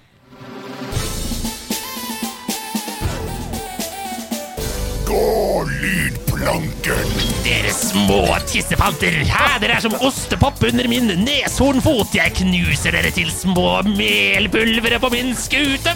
Jeg vil ikke være med på denne leken. Det er farlig å hoppe fra planken. Jeg syns også det er skummelt! I Gå lydplanken må dere to små pirater gå ut på hver deres lydplanke og kanskje hoppe ut i musikkmyra. Hvis det er en av dere som taper på musikkspørsmålet. Kan man hypotetisk også bli spist av genøkken? Det er klart du kan det. Eh, det er som alltid tre lydspor uh, laget til oss av Sebtastic, legenden som har levert så utrolig store varer hele denne sesongen av nederlandslaget. Tusen takk. Eh, og det er også da et tema til slutt for disse tre låtene, som dere må huske at det henger sammen. Eh, med oppfølgingsspørsmål. Det betyr at hvis du ikke noen gang har hørt om spillet, f.eks., som vi er inne i, så kan du fortsatt klare det. Du kan fortsatt vinne ved å klare å resonnere deg fram til quiz-spørsmål. Her kommer første oppgave. Skrik navnet når dere skjønner hvilket spill vi skal til, og si tittelen på spillet.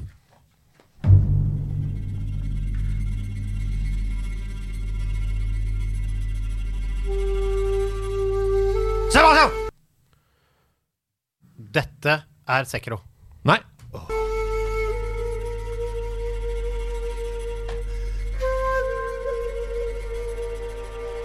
Oi. Hasse? Tomb Raider? Nei, det er ikke Tomb Raider. Sebastian. Ghost of Tsushima. Ja! Ja, selvfølgelig. Faen, det er. Ghost of Tsushima vi skal fram til her.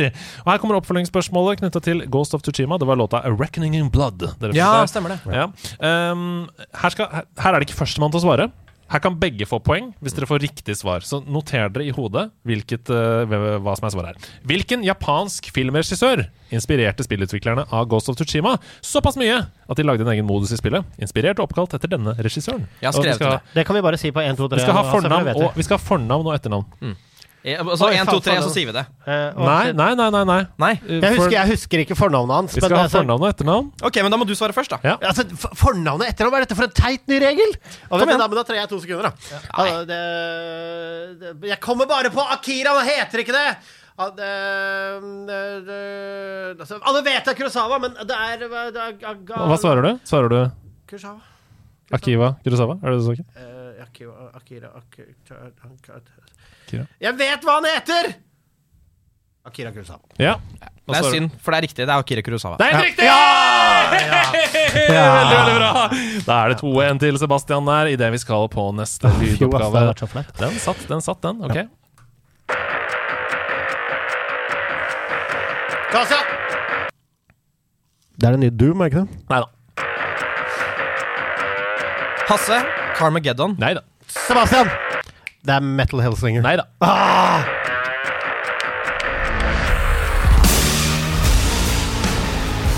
Hasse?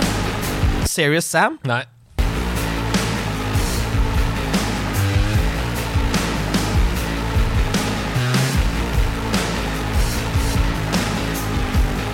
Det var helt rått. Ja, dette er noe av det feteste i dette spillet. Jeg, eh, altså, jeg hadde så gåsehud i de, disse sekvensene.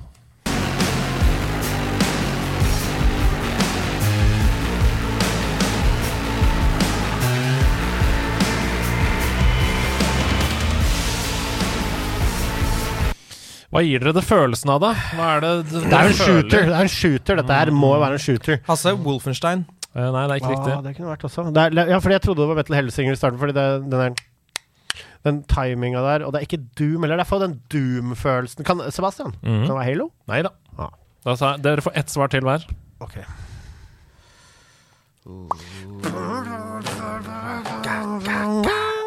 uh, det er rock'n'roll, fiskeboll, det er kjøttkaker og farrik. Læreren spiller på gitar. Ja. Um, ja, jeg trenger et svar. Gi meg det første dere tenker på. Det er skytespill, og det er Vet du hva? Uh, Modern Warfare 2. Deathloop. Nei, det er ingen av delene. Dette er for meg følelsen av å sette en uh, kroppsendrende sprøyte rett i armen, få tunnelsyn, bli superadrenalinhypa og spille Cyberpunk 2077. Dette er Cyberpunk idet du går inn i en psycho-mode og dreper folk. Hva heter låta? Vushu. Dolls. Wushu Dolls. W-U-S-H-U Dolls. Hvilken Nok en gang, her skal dere svare uh, et svar, og begge kan få poeng. Hvilken kjent person ble brukt i markedsføringen av Cyberpunk 2077, og hadde også en rolle i spillet? En, to, tre, Keanu Reeves. Ja, det er riktig. Det er altså tre, to, til Sebastian, idet vi skal til den siste oppgaven uh, i dagens Gå lydplanken.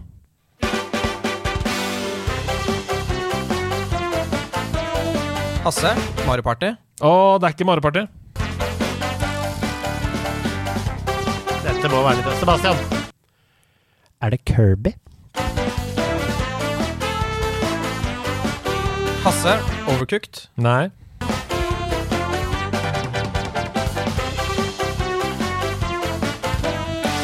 Vi skal til det samme universet som ble nevnt eh, innledningsvis. i denne Hasse? Mario Kart. Nei.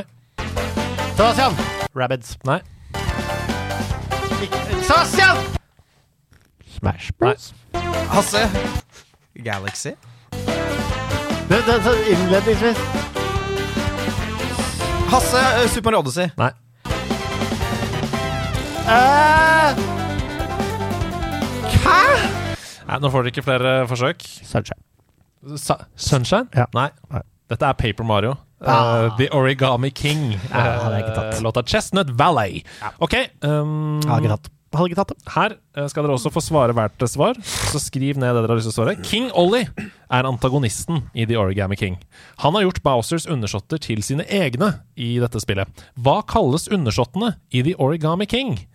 Eh, Og her får dere et hint fra Septastic, nemlig tittelen The Origami King. Hva kalles undersåttene i The Origami King Ja, okay. til King Ollie? Jeg vet ikke. Hva svarer du også? Pa Paper Coopers. Paper Coopers. Hva Ja. svarer du? Jeg har ikke peiling. Origami Origami og brettepapir. Folds. Åh, det, vet du hva? Det skal du få riktig for. Nei, fuck deg. For det er Folded Soldiers som Å, ja. er riktig. Ja, men det er det, det må du få. Det, altså, Ja, ja, ja, ja. Resonnering! Resonnering! Der er du sterk, Ja! Sebastian. Det var sånn den gangen jeg bare gambla. Husker ikke hva det heter, Ja. de karakterene i Epic Yarn. Men Ja. jeg husker ikke hva jeg Yarny. sa. Yarny. Jeg bare sa Yarny på kødd. på i Unravel. Ja. Betyr det at jeg vinner? ja, men det er, et, det er en Ah. fellesnevner her. Hva er fellesnevneren mellom Cyberpunk, eh, Ghost of Tsushima og Paper Mario? The Origami King. Hva er fellesnevneren mellom Ghost of Tsushima, Cyberpunk 2077 og Paper Mario, The Origami King? Ja, Sebastian. Ja. De er alle RPGs? Nei da. Nei, nei, nei, nei, nei. nei. Nei, nei, nei, nei. De er jo ganske ulike, disse tre spillene, så kanskje de ikke har noe med selve innholdet i spillet å gjøre. Samme, Sebastian. Ja. Samme utvikler, da. Nei da. Nei da. Nei, det er Red uh, CD Red. Mm. Det er ikke Det er like mange stavelser i navnene. Nei da. Nei. Paper Mario, The Origami King, Cyberpunk og Hva var det første igjen? Eh, Ghost of Tsushima. Hva er fellesnevneren mellom disse tre? Kom Tre igjen. ord. Kom igjen. Ghost of Tsushima, Paper Ma Nei, folkens, dere får ikke dette. Det kom i 2020. Alle tre spillene Ah. kom i år 2020. Men det betyr, altså du må ut og gå lydplanken som en ostepop som er most. Jeg sa i starten at jeg ville ikke gjøre det, men nå har jeg tatt og må hoppe! Dette hørespillet er så bra, det. Ja, det blir bedre og bedre for hver uke. Ja, Dere er helt rå, folkens. Ha det bra. Ha det. Ja, hva står det egentlig på Nei, vi har fått et spørsmål fra Sebastian Brynstad. Først så er det en liten shout-out på korktavla i, i dag. Min bror Thomas Christiansen er lærer på Skaun ungdomsskole. Han har de siste to årene arrangert gamingdag for 8. til 10. trinn på skolen. Han ønsker å fange opp de som faller utenfor den ordinære idretten, som ballspill. Den siste uka så har han brukt over 24 timer av egen fritid på å arrangere dette, og ofte vært på jobb fram til to på natta uten betaling. Ungene får valget mellom bl.a. brettspill, konsollspill, Fifa-turnering, Pokémon Go, flight simulator og mye mer. Dette for å vise at gaming er gøy, og at det skal være akseptert også i skolen å like dette. Det hadde vært utrolig moro å gi han en liten anerkjennelse for den jobben, f.eks. ved en shout-out. Hilsen Tom Erik. Det er klart du skal få shout-out!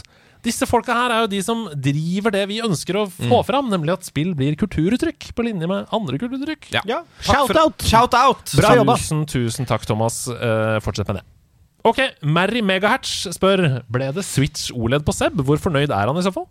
Du, Mary Megahertz, det skal jeg svare deg på. Det ble Switch OLED på Seb, og jeg er kjempefornøyd. Eh, det er uh, man, man vil jo ikke overkonsumere uh, ting når man har noe som funker, og jeg har vært fornøyd med Switchen min. Uh, men for meg er det ingen vei tilbake, hvis du skjønner hva jeg mener. Jeg nei. kunne aldri gått tilbake. Du spiller jo også mer håndholdt enn folk. Ja, jeg spiller nesten utelukkende håndholdt. Ja. Uh, men det dokker den også. Og, men den er bare generelt litt bedre på alt, og skjermen er mye bedre. Mm. Eh, Ja, for du, men Syns du OLED-en er bedre enn den originale LCD-skjermen? Eh, ja, det syns jeg. Altså, den er, den, er mye, den er lyssterkere, den er større, som gir den et behagelig Behagelig Altså, den er mer behagelig. Det er bedre lyd i den. Eh, jeg oppfatter den som raskere.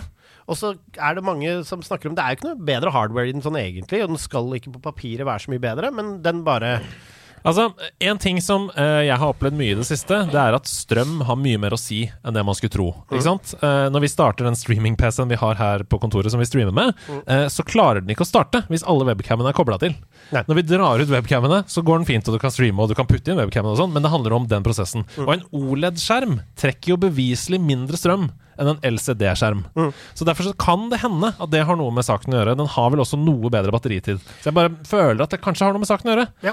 Switch presterer jo også bedre i dock enn i håndholdt, fordi den nettopp får strøm. Rett i, rett i mathallen. Ja. Og, og, det, og det henger på greip. Uh, jeg synes den er uh, jeg synes Den føles bedre på alle mulige ting. Den er smooth. Jeg har den svarte og hvite Den som er Mhm. svart med hvite uh, cons. Og så er det eh, mange små creature comforts som er bedre. Annet den vippen bak er nå Ja, en hel digg, greie som gjør at og skjermen er betydelig større. Så sette den på bordkanten og spille med en pro-controller nå, Mm. det er mye bedre.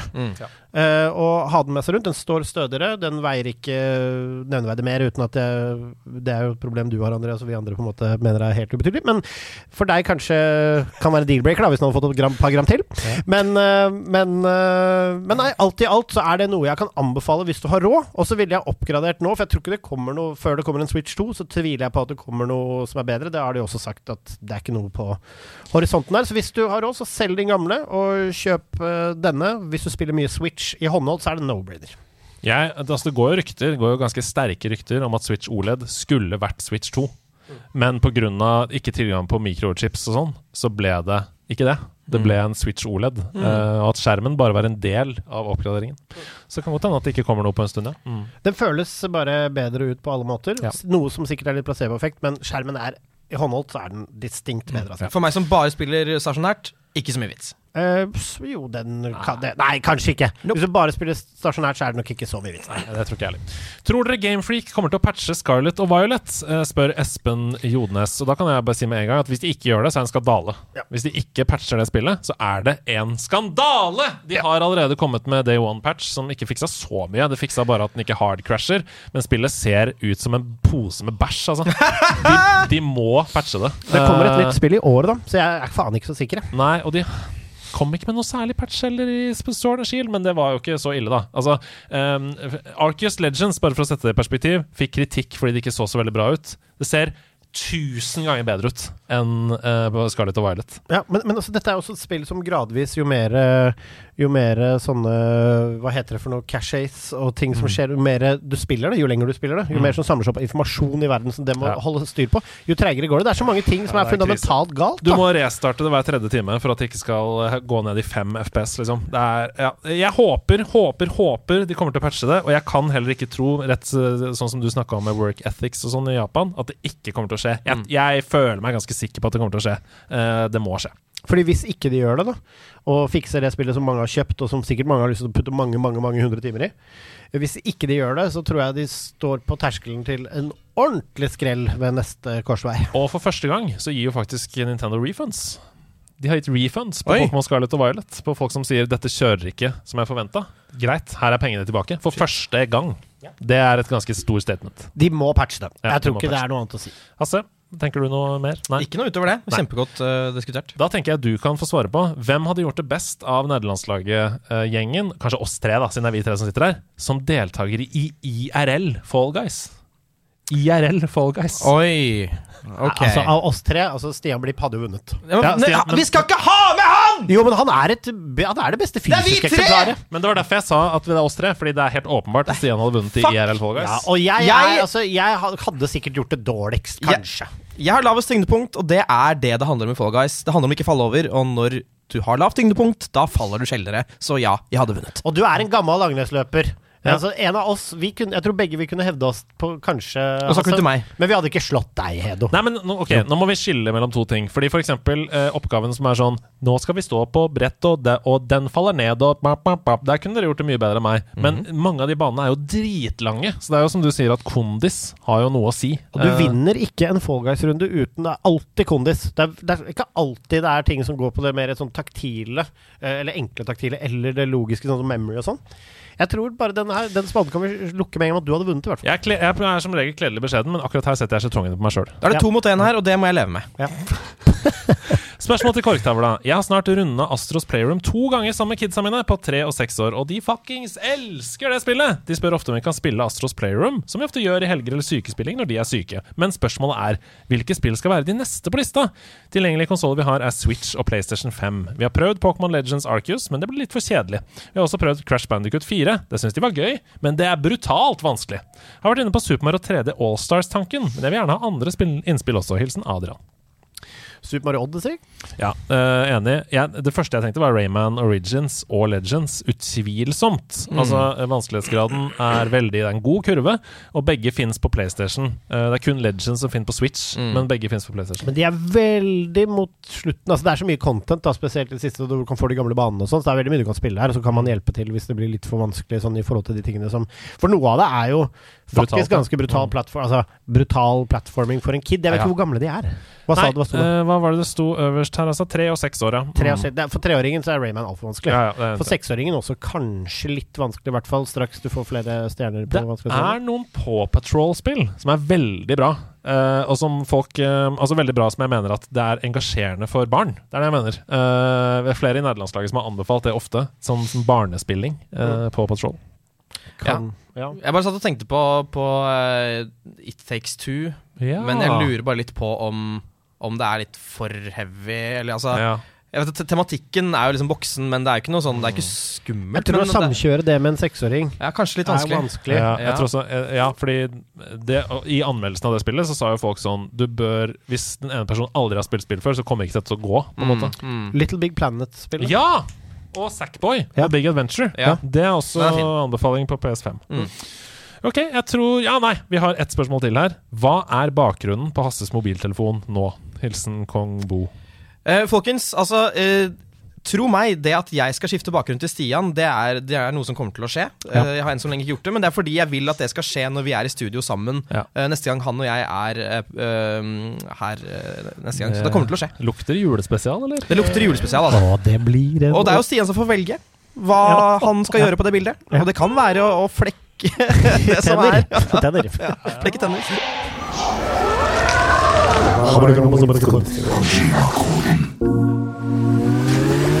Det var en utrolig god tullejapansk fra Sebastian der, som gjør at jeg føler at Hideo Kojima Han kommer inn og tar om min body, min body, min body, min body, min body, min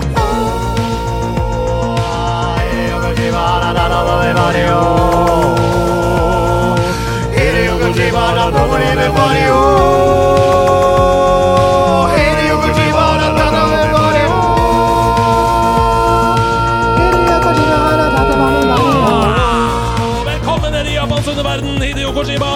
tatt over alle tre sine kropper.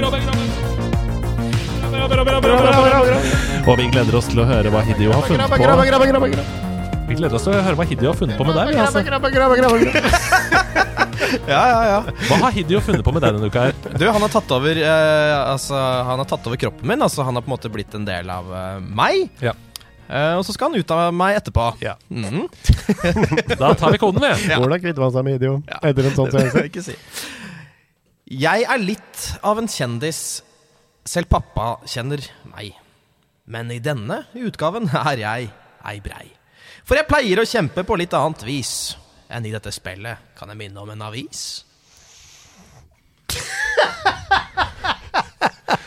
Når Hasse tar Hasse, for dere som ikke ser på streamen Hasse tar hendene Nei, hodet i hendene og Vent, da. gnir I øynene. i dette spillet kan jeg minne om en avis. Jeg pleier å kjempe på annet vis. Er dette Paper, Ja, er det det? Fordi jeg tenkte på, Er det noe vi allerede har vært innom denne uka? er det Paper Er Mario? det Paper Mario? Fordi, for det er papir. selv pappa kjenner meg. Ja. Men denne her så er jeg ikke brei, fordi han er Ja, er smal. Det er Paper må Mario. være Paper Mario. Paper Mario. Det er Paper Mario! Det er Hadde, hadde det ikke bra. vært oppe tidligere, kanskje det hadde vært litt lenger Ja, unna deres det- bevissthet. Jeg tror, jeg tror det. Ja. For jeg skjønte ikke umiddelbart da du sa det ligner på en avis, men jeg elsker det. Få andre del òg. Turn-based er en spillform som dere Seff kjenner, og ja, jeg benytter meg av dette her. Men til vanlig vil fienden mine sko få i fleisen. Og jeg må gjenta, jeg er like smal som dine klær. Det er så altså, Når Hidio tar over din body, da blir det genialt! Han, er- han, er, han er dikter. Jeg tar neste. Ja, jeg gleder meg til Born. Her kommer den. Unnskyld for det. Sekvensen må stemme, men det går ikke alltid bra. Fra tidlig Windows til den dag i dag. Blottet for historie, men kilde til zen. Spill mutters aleine, og ikke med en venn. Sekvensen må være Ta det en gang til. Sekvensen må stemme, men det går ikke alltid bra. Fra tidlig Windows til den dag i dag. Blottet for historie, men kilde til zen. Spilles mutters aleine, og ikke med en venn. altså, Husker du ja, Hva tenkte du? Nei, nei, jeg vil høre hva jeg husker. Husker du det spillet hvor du skulle sette opp eh, eh, rør etter hverandre? Så Ja. skulle det komme um, sånn væske gjennom rørene. Og så måtte du ha riktig rør etter hverandre. En bøy, et kryss, for at væsken skulle flowe igjennom. Mm. For å finne veien fra start til en slutt. Ja. Det var et uh, PC-spill. Uh, sekvensen må stemme. Ja. Ikke sant? Du må sette de riktig etter hverandre. Jeg husker det. Vi husker vel ikke navnet, gjør vi det? Nei, og Nei. det er ikke noe historie i det. Det er bare rør etter hverandre. Uh, Ja. Jeg, jeg velger fortsatt å tro at dette er eh, kabal, men eh, Å, ja. jeg vil gjerne svare pipespillet. jeg vil svare Ok, pipespillet. nå tenker jeg på tre ting. Ja. Jeg tenker på pipespillet. Pipespillet. Jeg tenker på kabal. Ja. Jeg tenker på minesveiper også. Men Ja. sekvensen må stemme. Ja, Nei, det må være kabal. ja, fordi altså, Der må du ha ting i riktig sekvens for at det skal kunne legge kortene ned. Jeg, jeg bare håper at alle de som hører på nå, fikk et varmt eh, gjensyn med pipespillet. og, så, og så velger vi å svare kabal. Må. Et spill som inkluderer alle, både konge og knekt, kan i tillegg spilles uten strøm. Ja, det er frekt! Selv bestemor kan det, og det er chill. En selvskreven banger av et eldgammelt spill, det er Kabal! Og du nevnte Kabal tidligere i dag også! Hvorfor er det Hvorfor Hvorfor Det er hva veldig rart. Jeg tenkte. I det du sa det, så gikk det kaldt over. Nå kommer det til å bli Ja. altfor lett. Men det var Kabal! Wow, Jeg hadde ikke greid uten deg, for jeg hadde svart pipespillet. Hvis Ja. jeg var alene i studio Pipperspillet er veldig feil. Men husker du pipespillet? Pipespillet? Ja.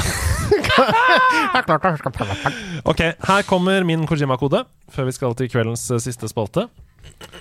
Det er nummer én, men ikke det første. Serien er stor, men ikke den største. Det er nummer én, men ikke den første. Det kanskje kan bety at det er en uh, oppfølger, men som er, er da nummer én i salgstall. Hm? En reboot? Eller en reboot, ja. Ja. Uh, og del to var ja, Nei, så det, det, setning tre og fire Ja, var ta hele igjen, du. Det er nummer én, men ikke det første. Serien er stor, men ikke den største. ja. God of War har uh, tre hovedspill fra, forrige, fra gamle dager, og så har de to nå. Så det er ikke den største serien. Uh, men disse spillene har solgt mye mer enn de forrige. Det kan være det. Ja. Jeg syns det er godt resonnert, altså. Altså, i hvert fall det er veldig, Dette er jo dette er jo så vagt, men allikevel så tydelig. Dette går jo, det må jo gå på salgstall og den Ja. ting der, og det har han også hatt mye om i nyhetene, så det er typisk at tankene hans har gått dit. Ja, Og det at liksom God of War bare heter God of War som om det var det første spillet, Ja. og så er det egentlig ikke det. Ja, det er nummer én, men ikke Ja, vi svarer det. Det er veldig veldig godt resonnert, og det er helt feil. Åh, men kanskje vi får mer i andre ledd? Ja, det håper jeg vi får. Vi må over grensen for å finne produsenten. En brutal slagmark fra året etter 2015. Battlefield 2042. Battlefield 2042, kan det være det? Battlefield, kan det være, men kan det være noe sånn Ja, det er Dice, ja. Det er, Ja, for det, det må jo være Dice. Uh, er det bare Battlefield? Nei, fordi han sier at det er etter 2015. Nei, nei, men Battlefield 1! Det er jo første verdenskrigsspillet! Heter ikke det bare Ja, ja, det heter Battlefield 1. Ja. Ja, Skal vi bare si det? Skal vi si det? Ja. Vi sier Battlefield 1. Det er helt riktig! Serien er stor, men COD er jo åpenbart større, så det er ikke Ja. den største Ja. i sin sjanger. Veldig, veldig bra! Dere får poeng for Battlefield 1. Det er altså utrolig gøye koder! Ja. ja dere er gode og flinke. Ja, det, vet du hva? det blir pølsefest med relish i Kojima-boden på alle nå.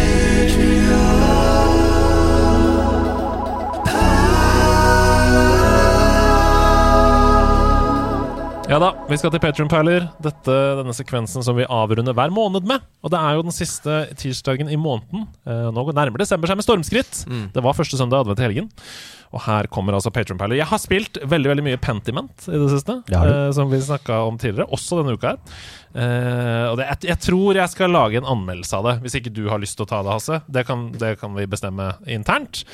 Men det spillet er jo satt da til 1500-talls eh, Tyskland, og det er mye sånn derre Dominus favitus fotitus Bratilo!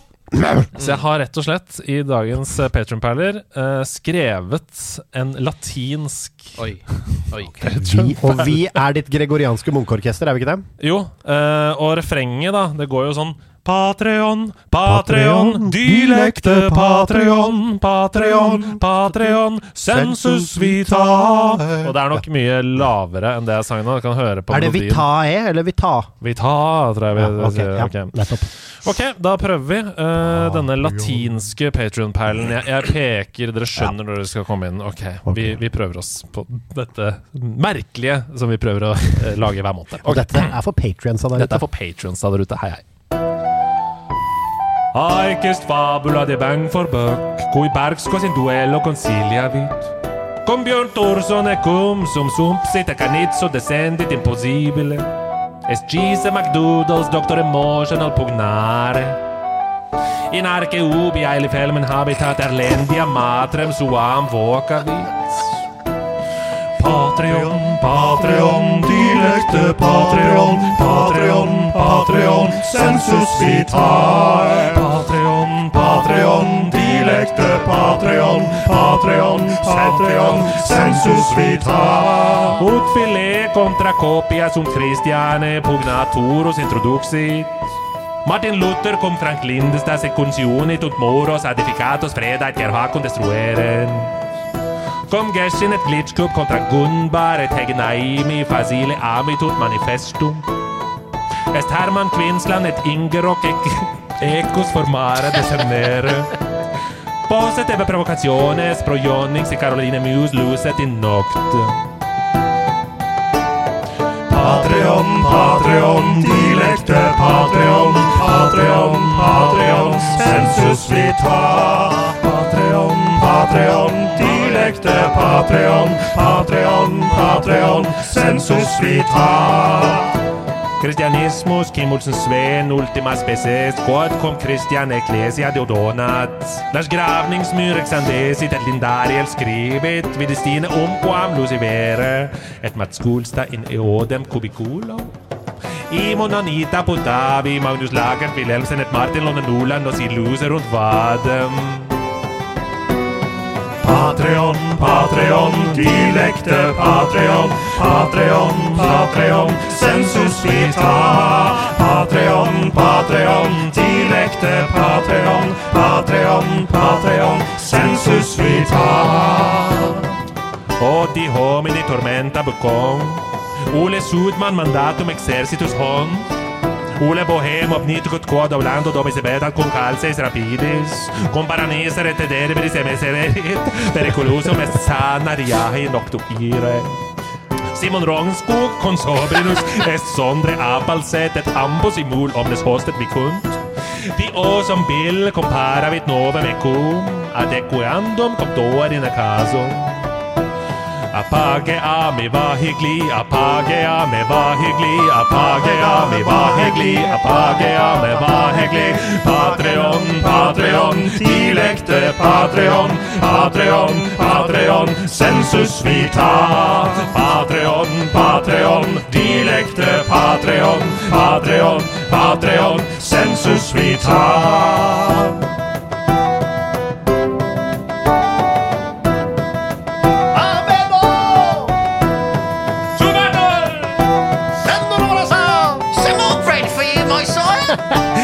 Simen Ragnskog. Ja, da var vi litt latinske en periode der. Ja, altså Rognskog er vanskelig å få latinsk, altså. Simon Rognskog. Ja, Simon- Simon Rognskog. Nei, men det var veldig Veldig, veldig fint. Veldig avantgarde. Ja, ja, ja, ja. Sånn har det blitt. Vi har gjort mye rart i denne spalten. Vi har lest navnene som ASMR, vi har sunget om opera, vi har lagd absurdteater, og nå også vært i 1500-talls eh, kloster. En slags taler av teater, teater, teater. Ja, nei, vet du hva, Det var eh, nydelig. Og til alle dere som patrions støtter oss, er det veldig snilt. Og til dere som ikke gjør det, vurder om det er noe dere er keen på, da. Fordi det hjelper jo denne sjappa å gå rundt. Ja, jeg liker at eh, personen i Twitch-chat her som har kommet til for første gang, nemlig Aksjeplukker, heter vedkommende, og skriver 'Hva er dette?' Ikke si det til ham. eh, Nei, ikke si det. Eh, tusen takk for at dere har hørt på. Vi er ved veis ende i dagens. Nerdelandslaget. Det var gøy! Det var ja. gøy. Ja, det var en blanding av både moro og seriøsitet. Ja, vi ja, blander den perfekte er berg-og-dal-bane av følelser. Og vet du hva? Den blandinga den, den, blandinga, den tror jeg vi skal være glad for i dag også. vet du hva? Nå er det rett, det var rett ut av mørket, inn her i lyset og kose sammen med dere. Nå rett ut igjen i det mørke. Men nå har jeg med meg batterier, ikke sant? Batteri er ladd. Og hvis du kjenner mørket tynge, så er det bare å spille noen fete videospill og bla innom denne katalogen av hyggelige ting på nederlandske. Gå inn på vel, og kjøp deg noe lystig merch der. Join oss på Discord og bli en del av gjengen. YouTube er vi på. Altså, herregud, det er så mye gøy med dette nerdelandslaget. Hvem er enig? Rekk opp en hånd. Det ser ikke på radio. Alle rekker opp hånda. Nerdelandslagets Øystein Sunde der, altså. Nerdelandslagets Øystein Sunde. Nerdelandslagets- Eh, har du noe du har lyst til å anbefale lytterne våre å gjøre i desember? Er det noe de kan gjøre nå som vi går inn i Feir, hva, med- hva, med hva feire jul? Nei, nei, stikk innom Smoothie Exchange og se hva de har for der. Vi er ikke sponsa, men anbefaler Bislett Games. Den syns jeg er god. Ok, dere. Vi snakkes. Ha det godt. Snart er det jul. Hei, hei. Hei, hei. God jul, da.